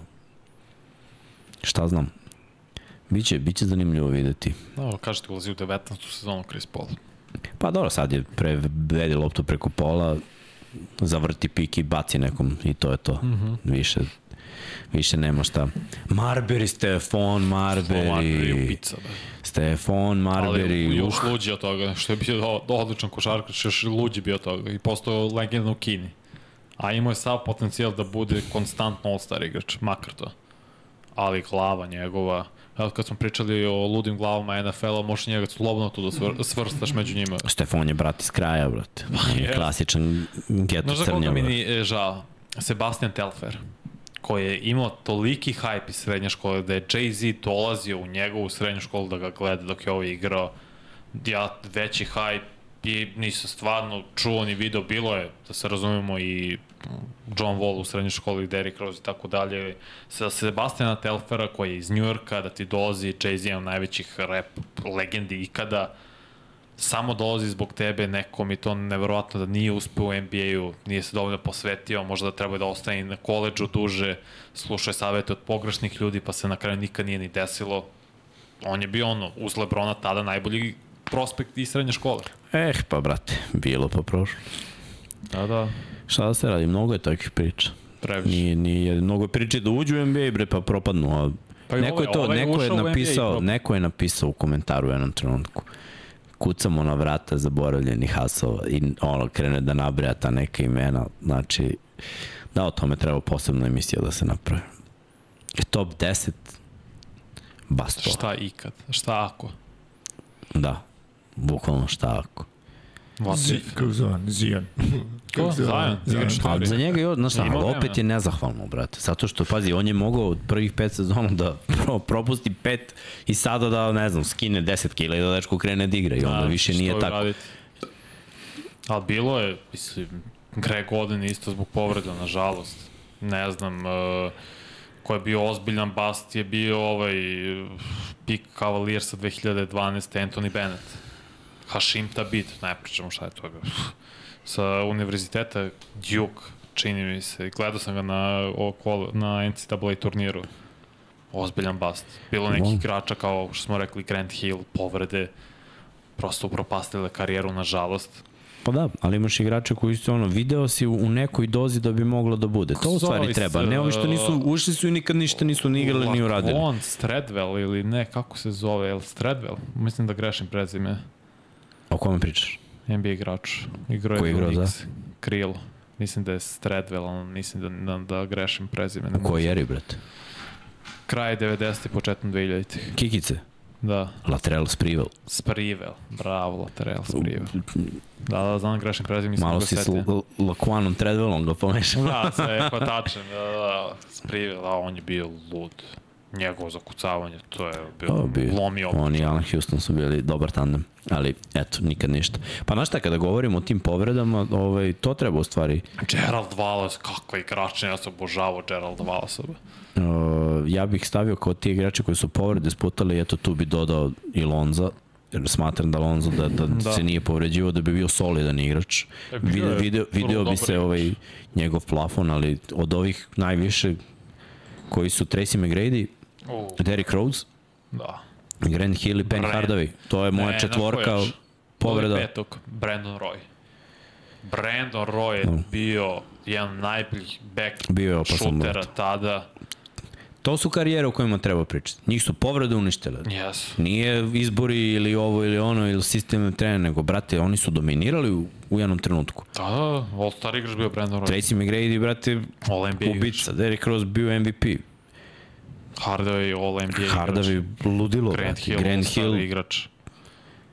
i eto, uništiše ih povrede, brate. Ko je bio brutalan talent, a isto lud kao struje? Beasley. Dobro, Beasley je igrao. Beasley je, Beasley igrao nije i- dostigao taj nivo koji je trebao Pa da nije. dostigne. Ni blizu. Nije do njegove radne, on je, znaš, on je basketaš. Yes. To, to je meni. Nije on za organizovanu košarku gde treba da bude u odelu profesionalac. On je lik koji će dođe ti metne 20-30 bez problema na bilo kom basketu. Lik je, mislim, ima skill.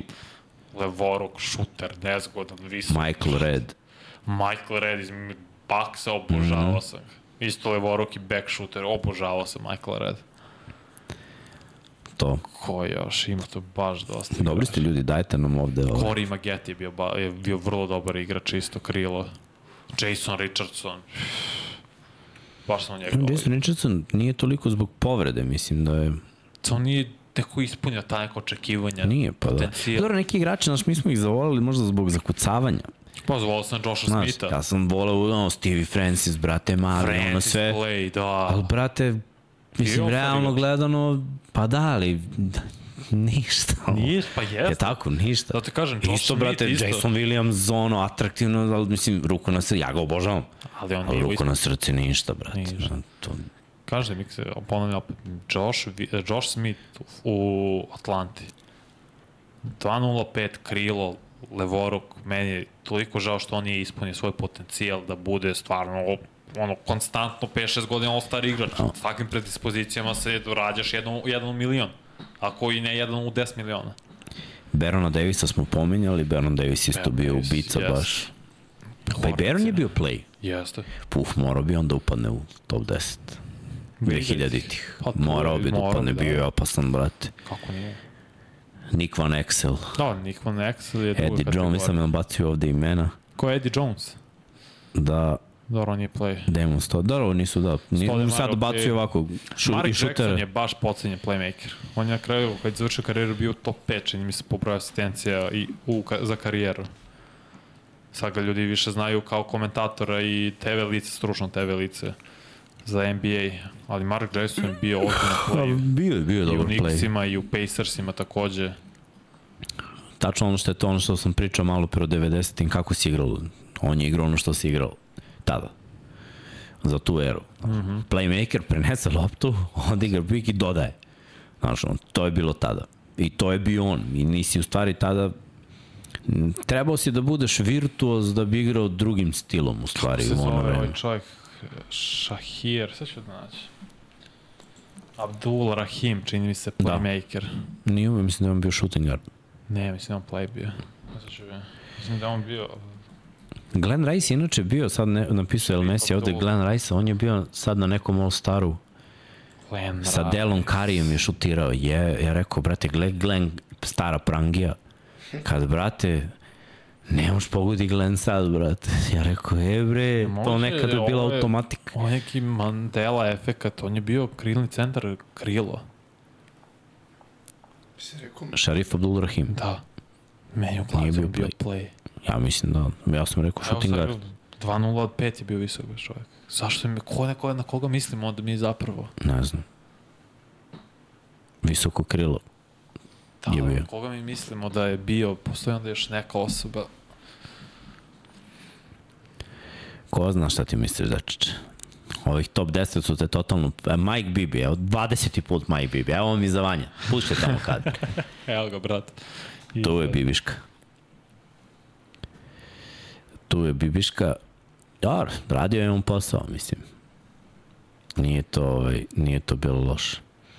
Samo A, znaš na koga mi mislim? na koga? Na Mahmuda Abdula Raufa, playmakera. Kaže El, El Mesija. Na njega mi zapravo mislio koji igrao 90-ih, 2000-ih. Rod Strickland. Dobro, Rod Strickland je bio odličan igrač. Kaže, Miksa pusti klimu, klima radi, brate Klima moj radi sve vreme. vreme, brate, znači ni strašno. Vanja, Vanja je toliko gori, brate, da mu ne smeta. Da. toliko je izgoreo, brate, od ove liste, da je klima na 25 čak šiva, a pre je bilo na 30 kad se oblačio u Dux. Nije bila na 30 preteraš, bila na Bilo na, 23. nije bre bilo na 30. Srke lično stavio. ko bre? Ko bre? ja stavio? Erceg, bre, Erceg, ajde, veliki, ti Ja si molim samo da se to napominje. band dva srđana, brate, progone me, brate, gde god da idem. Znaš, ti, ti svestan u jednom momentu dok sam bili u autu, Paja priča sa Srkijem, ti pričaš sa velikim srđanom. Da. A, dobro, ajde, ajde da privodimo ovo kraju, ovo već se bliži. Ajme. Kaže Srki Sub-Zero, pa da znate da je, da je, sub, da je Sub-Zero. Ovaj, dobro, odradili smo. Biće mnogo manje prepiranja što se tiče bekova, šutera. To sam ubeđen. Ja samo ovo moram da kažem, brate, Michael Carter Williams, ruki godine, brate, i Prva ono, ruki tim. u karijeri, najjača utakmica. I Tebra, ništa. 22, 12, 9, 7, čini se da imao ili 8, koliko me pamćenje služi, protiv Miami Hita tada šampiona, branioca titule. Najjači, ne, to je bilo ludo. Philadelphia, ono, to je bila toliki underdog da je to neverovatno, to je prvi utakmica, on čovjek izdominira. I nema ga. Dosta od mene. A Kenny Jet? Ne, prosto playmaker. Da nije bio tim šampionskim timovima predvođenih Hakimom, nema njega titula, nema ni njega na TNT-u, odmah ti kažem. Clyde je bio drugi, za drugu titulu, Ne, ne, drugi igrač. se, se stoje, pitam, Robert Ori, pitam za drugara. kako na Kenny Jet bio prošlan playmaker. Ima jedan snimak na YouTube, pronađite, to je posle najbolji drug. Dobro skakao, brate. Pa okej, okay, ne, i sam kažem ima snimak gde on laže na TNT o tome šta je radio i ovaj ga hvata i laže, presmešno, znači presmešno. Okej je bio play, mislim, ništa specijalno. Dobro, ajde sada stvarno da, da ovaj, privodimo kraju. Ovaj, hvala vam još jednom što ste ispratili ovaj podcast u velikom broju. Lepo smo se, ovaj, ja mislim, ovo, jedina prednost ovih lista je ova energija i ovo zezanje da si, jao, nije, jao, jed... a mora da ima. Ne postoji ni jedna lista na ovom svetu koja se pravi i u jednom sportu da bude u fazonu i da svi kaže da je dobro. Ali mora da ima, mora da ima ovoga jeste, nije, jeste, nije. Tako da, evo, kažu ljudi da je, da je dobro, kažu ljudi da je kaže, emisija za 10. Da, bit će sad sledećih pet će biti na ovu foru, tako da idemo pozicija po poziciju. Panja je Da pravio šesta, listu. Sve skupa. Moj zadatak s vama je ovde da... Da bušite tu listu. A naš je da bušimo. Majstori nam buše ovde dva dana, zašto da mi da ne izbušimo jednu listu. Ne bi bilo ništa loše. Bojana pita šta mislite o in-season turniru. Ja mislim da je to Grozna ideja. bullshit, ali dobro. Slažemo se tu, znači, grozna ideja. Ja razumijem da će, ti, da će slabiji timovi igrati bolje, da ko osvoji to igraće se od 7. do 9. taj završni turnir u Vegasu, šampionski tim dobija po igraču 500.000 dolara, ok, to je super stvar za te igrače, dodatna, dodatni podstrek da se igra regularni deo sezone. Mislim da to ulazi u broj pobjeda i poraza. Koliko sam ja shvatio te pravila tog kupa, nazovi tako, da se to na kraj krajeva računa u, u, u tome koji ti je skor na kraju sezone. No. Tako, mislim, ok, ne sviđa mi se, ali dobro, napreduje, evoluira NBA, da li napreduje ili nazaduje, to ćemo tek vidjeti. Mislim da pod Adamom Silverom iskreno malo i nazaduje. Neću da lažem, ali Pa dobro, dobro. neke stvari idu Neke na, su neki bolje, idu na neke bolje. su sad, ne baš može, lošije. da. Opet ide to malo i s košarkom i sa... A znaš šta je zanimljiva stvar? Da se sada sve više ide ka NFL ugovorima. Ne znam da si primetio, pričali smo o Van Fleetu, njegov ugovor 3 godine 129 miliona. Treća godina nije zagarantovan. Pa da, pa dobro. Nije pa ne znam što je to, nije to NFL, to je... Ne, ne, nije to je, NFL, kažem, Znam, znam što hoće kažeš, ka to je, ali je biznis, biznis je, takav je biznis. Mislim sad. da vlasnici žele da vrate malo moć u svojim rukama. I da je to dobra stvar. Pa, brate, znaš šta, ima i toga, ali opet uh, Fred Van Vliet nije igrač za kog može da ga... Da, mislim da su ugovori napravljeni takvi za određene igrače za koje ne možeš da garantuješ da će biti to, ovo ili ono. Jer su znaš. pre, jer je previše dobrih igrača dobijelo ogromne ugovore, cele zagarantovane, a nisu opravdane. Pa nisu, tako i bit će uvek toga. Mislim, Bruce bići Brown. će to ovamo onamo, znaš. I druga godina ugovora Brusa Browna 45 miliona nije zagarantovan. Nije, Joe. Landale samo je mu jedna godina zagarantovan od ugovora na četiri. I tako dalje i tako bliže. To su samo te sitne stvari koje mi ne vidimo odmah kad se pojavi informacija, te kada stigne zvanična informacija iz NBA, kada prođe papir, prođe ugovor i sve, onda ti oni daju koga zanima da pročitaju to, koliko je zapravo ugovor i šta je zagarantovan, šta nije. Srki, Gasi klim. Ne, ne, ne, si lud. Ajde ugasi, brate, kad već gasiš, ugasi ovaj anketu ovu ugasi. Pošto nisi ugasio, brate. Znači vi niste pustili... Ajde onda napravi, jesmo, bre, na- napravi pol. Nemoj. Napravi novi pol, ajde. Čekaj, Ajde, kad se ispraviš pametno, dođe. ajde, napravi. Hoće, dečko. Ne može. Ne može, ali, za, ali to ne A može čekaj, baš sam, sad ću da vidim, da ću na stream da vidim da li mogu da glasam. Po tome ćemo vidjeti da li... Ali evo ja sam, pa, Ali ovo vi ste kao... Ali mi smo na, na kanalu. pa ja gledam i ovaj običan. Kao, kao gledalac. Srki gleda. Bacio like. Si se subscribe-ovo, brate? Ah, odavno. Bolje i godine. Nema, pokaži. pokaži ili... I koliko sati imaš gledanje? Samo da ti kažem da je ovo glasanje dalje u toku, evo glasao sam da. Da ti vi inače niste gasili. Ali vaš, vaš glas nije Brate, ja, meni to ne postoji, brate. Nema, ne, ni ja ne. mene to nema, brate. Meni samo kaže vaš glas nije dodat, probajte ponovo. A Pa znači da neki tu. bug je. A ja vidim da je tu, pa ne znam. Da, kaže nije ugašeno, pa znamo da nije, ali ne, nama ne stoji. Ne Kod nas možemo nismo da kliknuli da je isključivo. A teo sam da vas pitam za novo, ajde, a, ja ne mogu, pa sad, šteta. Teo sam novu anketu koju ocenu dajete vanju, pa da bude, pošto moraju da budu prolazne, šestica, sedmica, osmica i devetka. Evo, kaže Vladan da je znatno pala klima u napolju ugasi klimu. I pa najavili su, najavili su da će možda i, i, kiša, Eto, i kiša pasti. Tako da, ono, Bogu hvala, će vidimo. svi. Će vidimo. Dobro, ajde. Izvinjavamo se za anketu, eto sve nešto. Ugasio nam se komp na početku. Brojite znači ručno. šta je bre ovo sve? Kaže, brojite ručno car. Evo, Mesija. Osam. Ajde, vidi, vidi Kolega. kolega dobija dva, bravo, bravo. Da pohvalimo Vanju. Znate, kad mu damo šesticu, onda neće teti da pravi ove liste. Tako da- Pravi će, on je dobije četiri, ako i to moguće, samo što voli. Ne, peti, petica je da padneš. Dobro. Šestica da prođeš, ali da se ne fališ. A ovo dalje, to je već dobro. Sedmica, osmica, devetka, desetka je nemoguće, to ti kažem. To nikad nećeš pogoditi, nikad nećeš pogoditi. Pazi, mi ovdje imamo 250 ljudi. Pogodit ću za bekuješ. Ne možeš da, ne možeš da pogodiš. Nema, Sigurno. Ne možeš za 250 ljudi da pogodiš listu. Nemo, neko će da kaže nije trebalo. Vidjet. Na moje da vera. Da moje da ver. Dobro. To ti dajem, imaš samo pouzdanja. brate. Dobro. Da, kako i da nema, danas se radi dečko Super Bowl. brate. Tako je. Malo je presecao lopte, ali Hvala, ispravi se. Dobar bre. znaš kad, si, znaš kad si ispravio, brate, kako sam krenuo se radujem u Kako se kabini. brate. ne može. To kad je Stefan bacio presečeno dodavanje. Da, da. Kakav ali obiš, ako Chris Paul baci samo i, i čeka, brate. Će li biti ili neće biti. Evo, dobio si 9,5, brate. Dosta. Jel Messi, ja ti ga, ti ga, brate, častiš svaka, evo, kao da je slušao ono kako smo davali ocene. Posle se rekao, kaže. Dobio si Mi još smo jednu... Lab 76 davali ocene, znaš. To mi smo smislili. Buraz je radio realizaciju ovde našeg podcasta čuo i kao, dobro, ej, Bio šokiran što sam nekom dao jedan. Pa.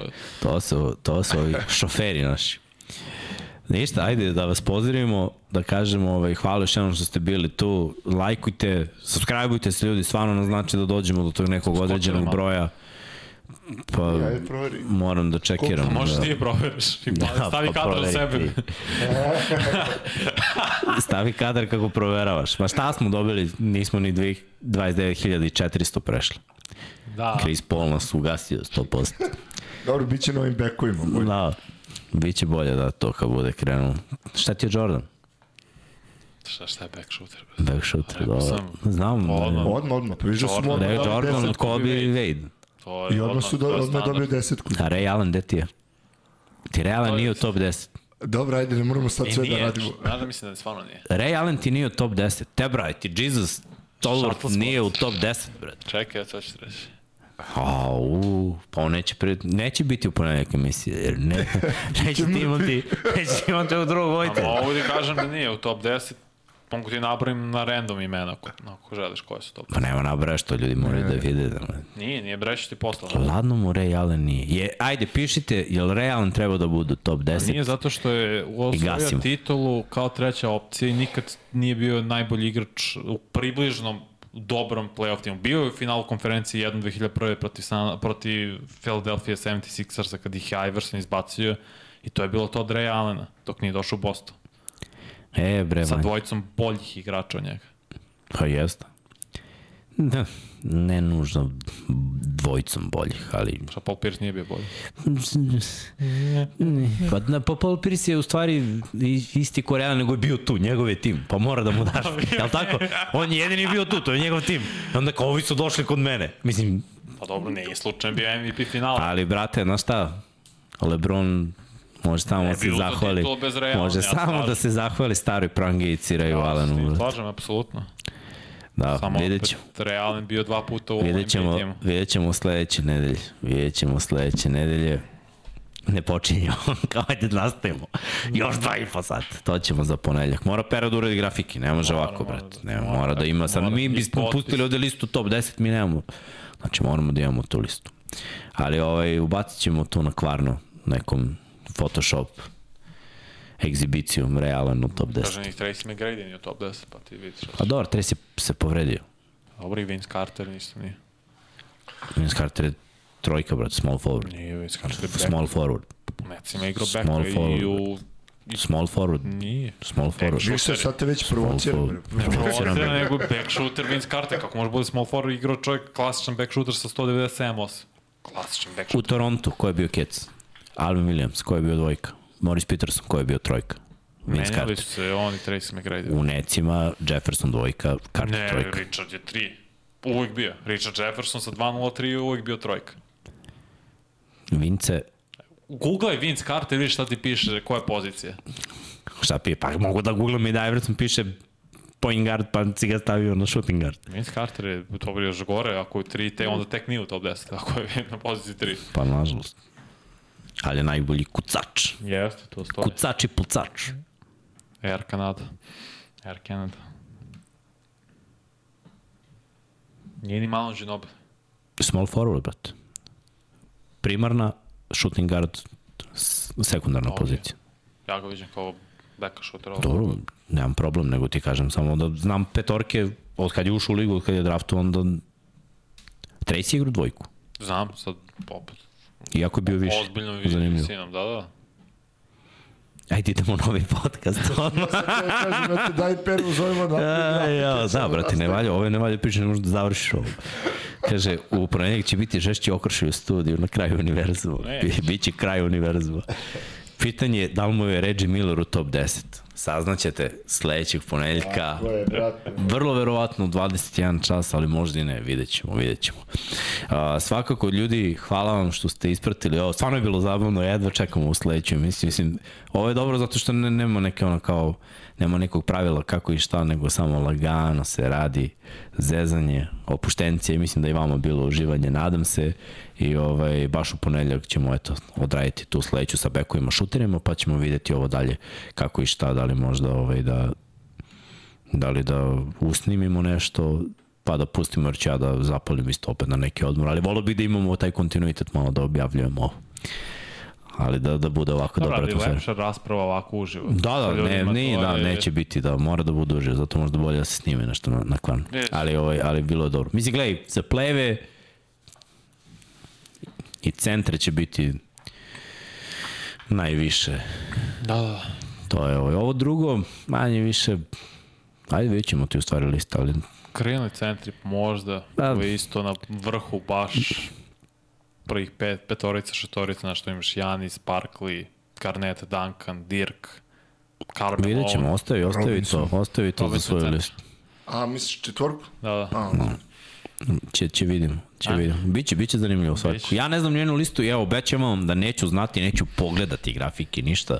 Hoću da budem spreman da svaki put kad Srki klikne, da se ja šokiram. Čak neću ni da ubacujem grafiku u OBS, nego će sam morati to da radi. Evo, odlučio sam i obećavam. Te lo juro. Pušti Patreone i vidimo se u ponedeljak.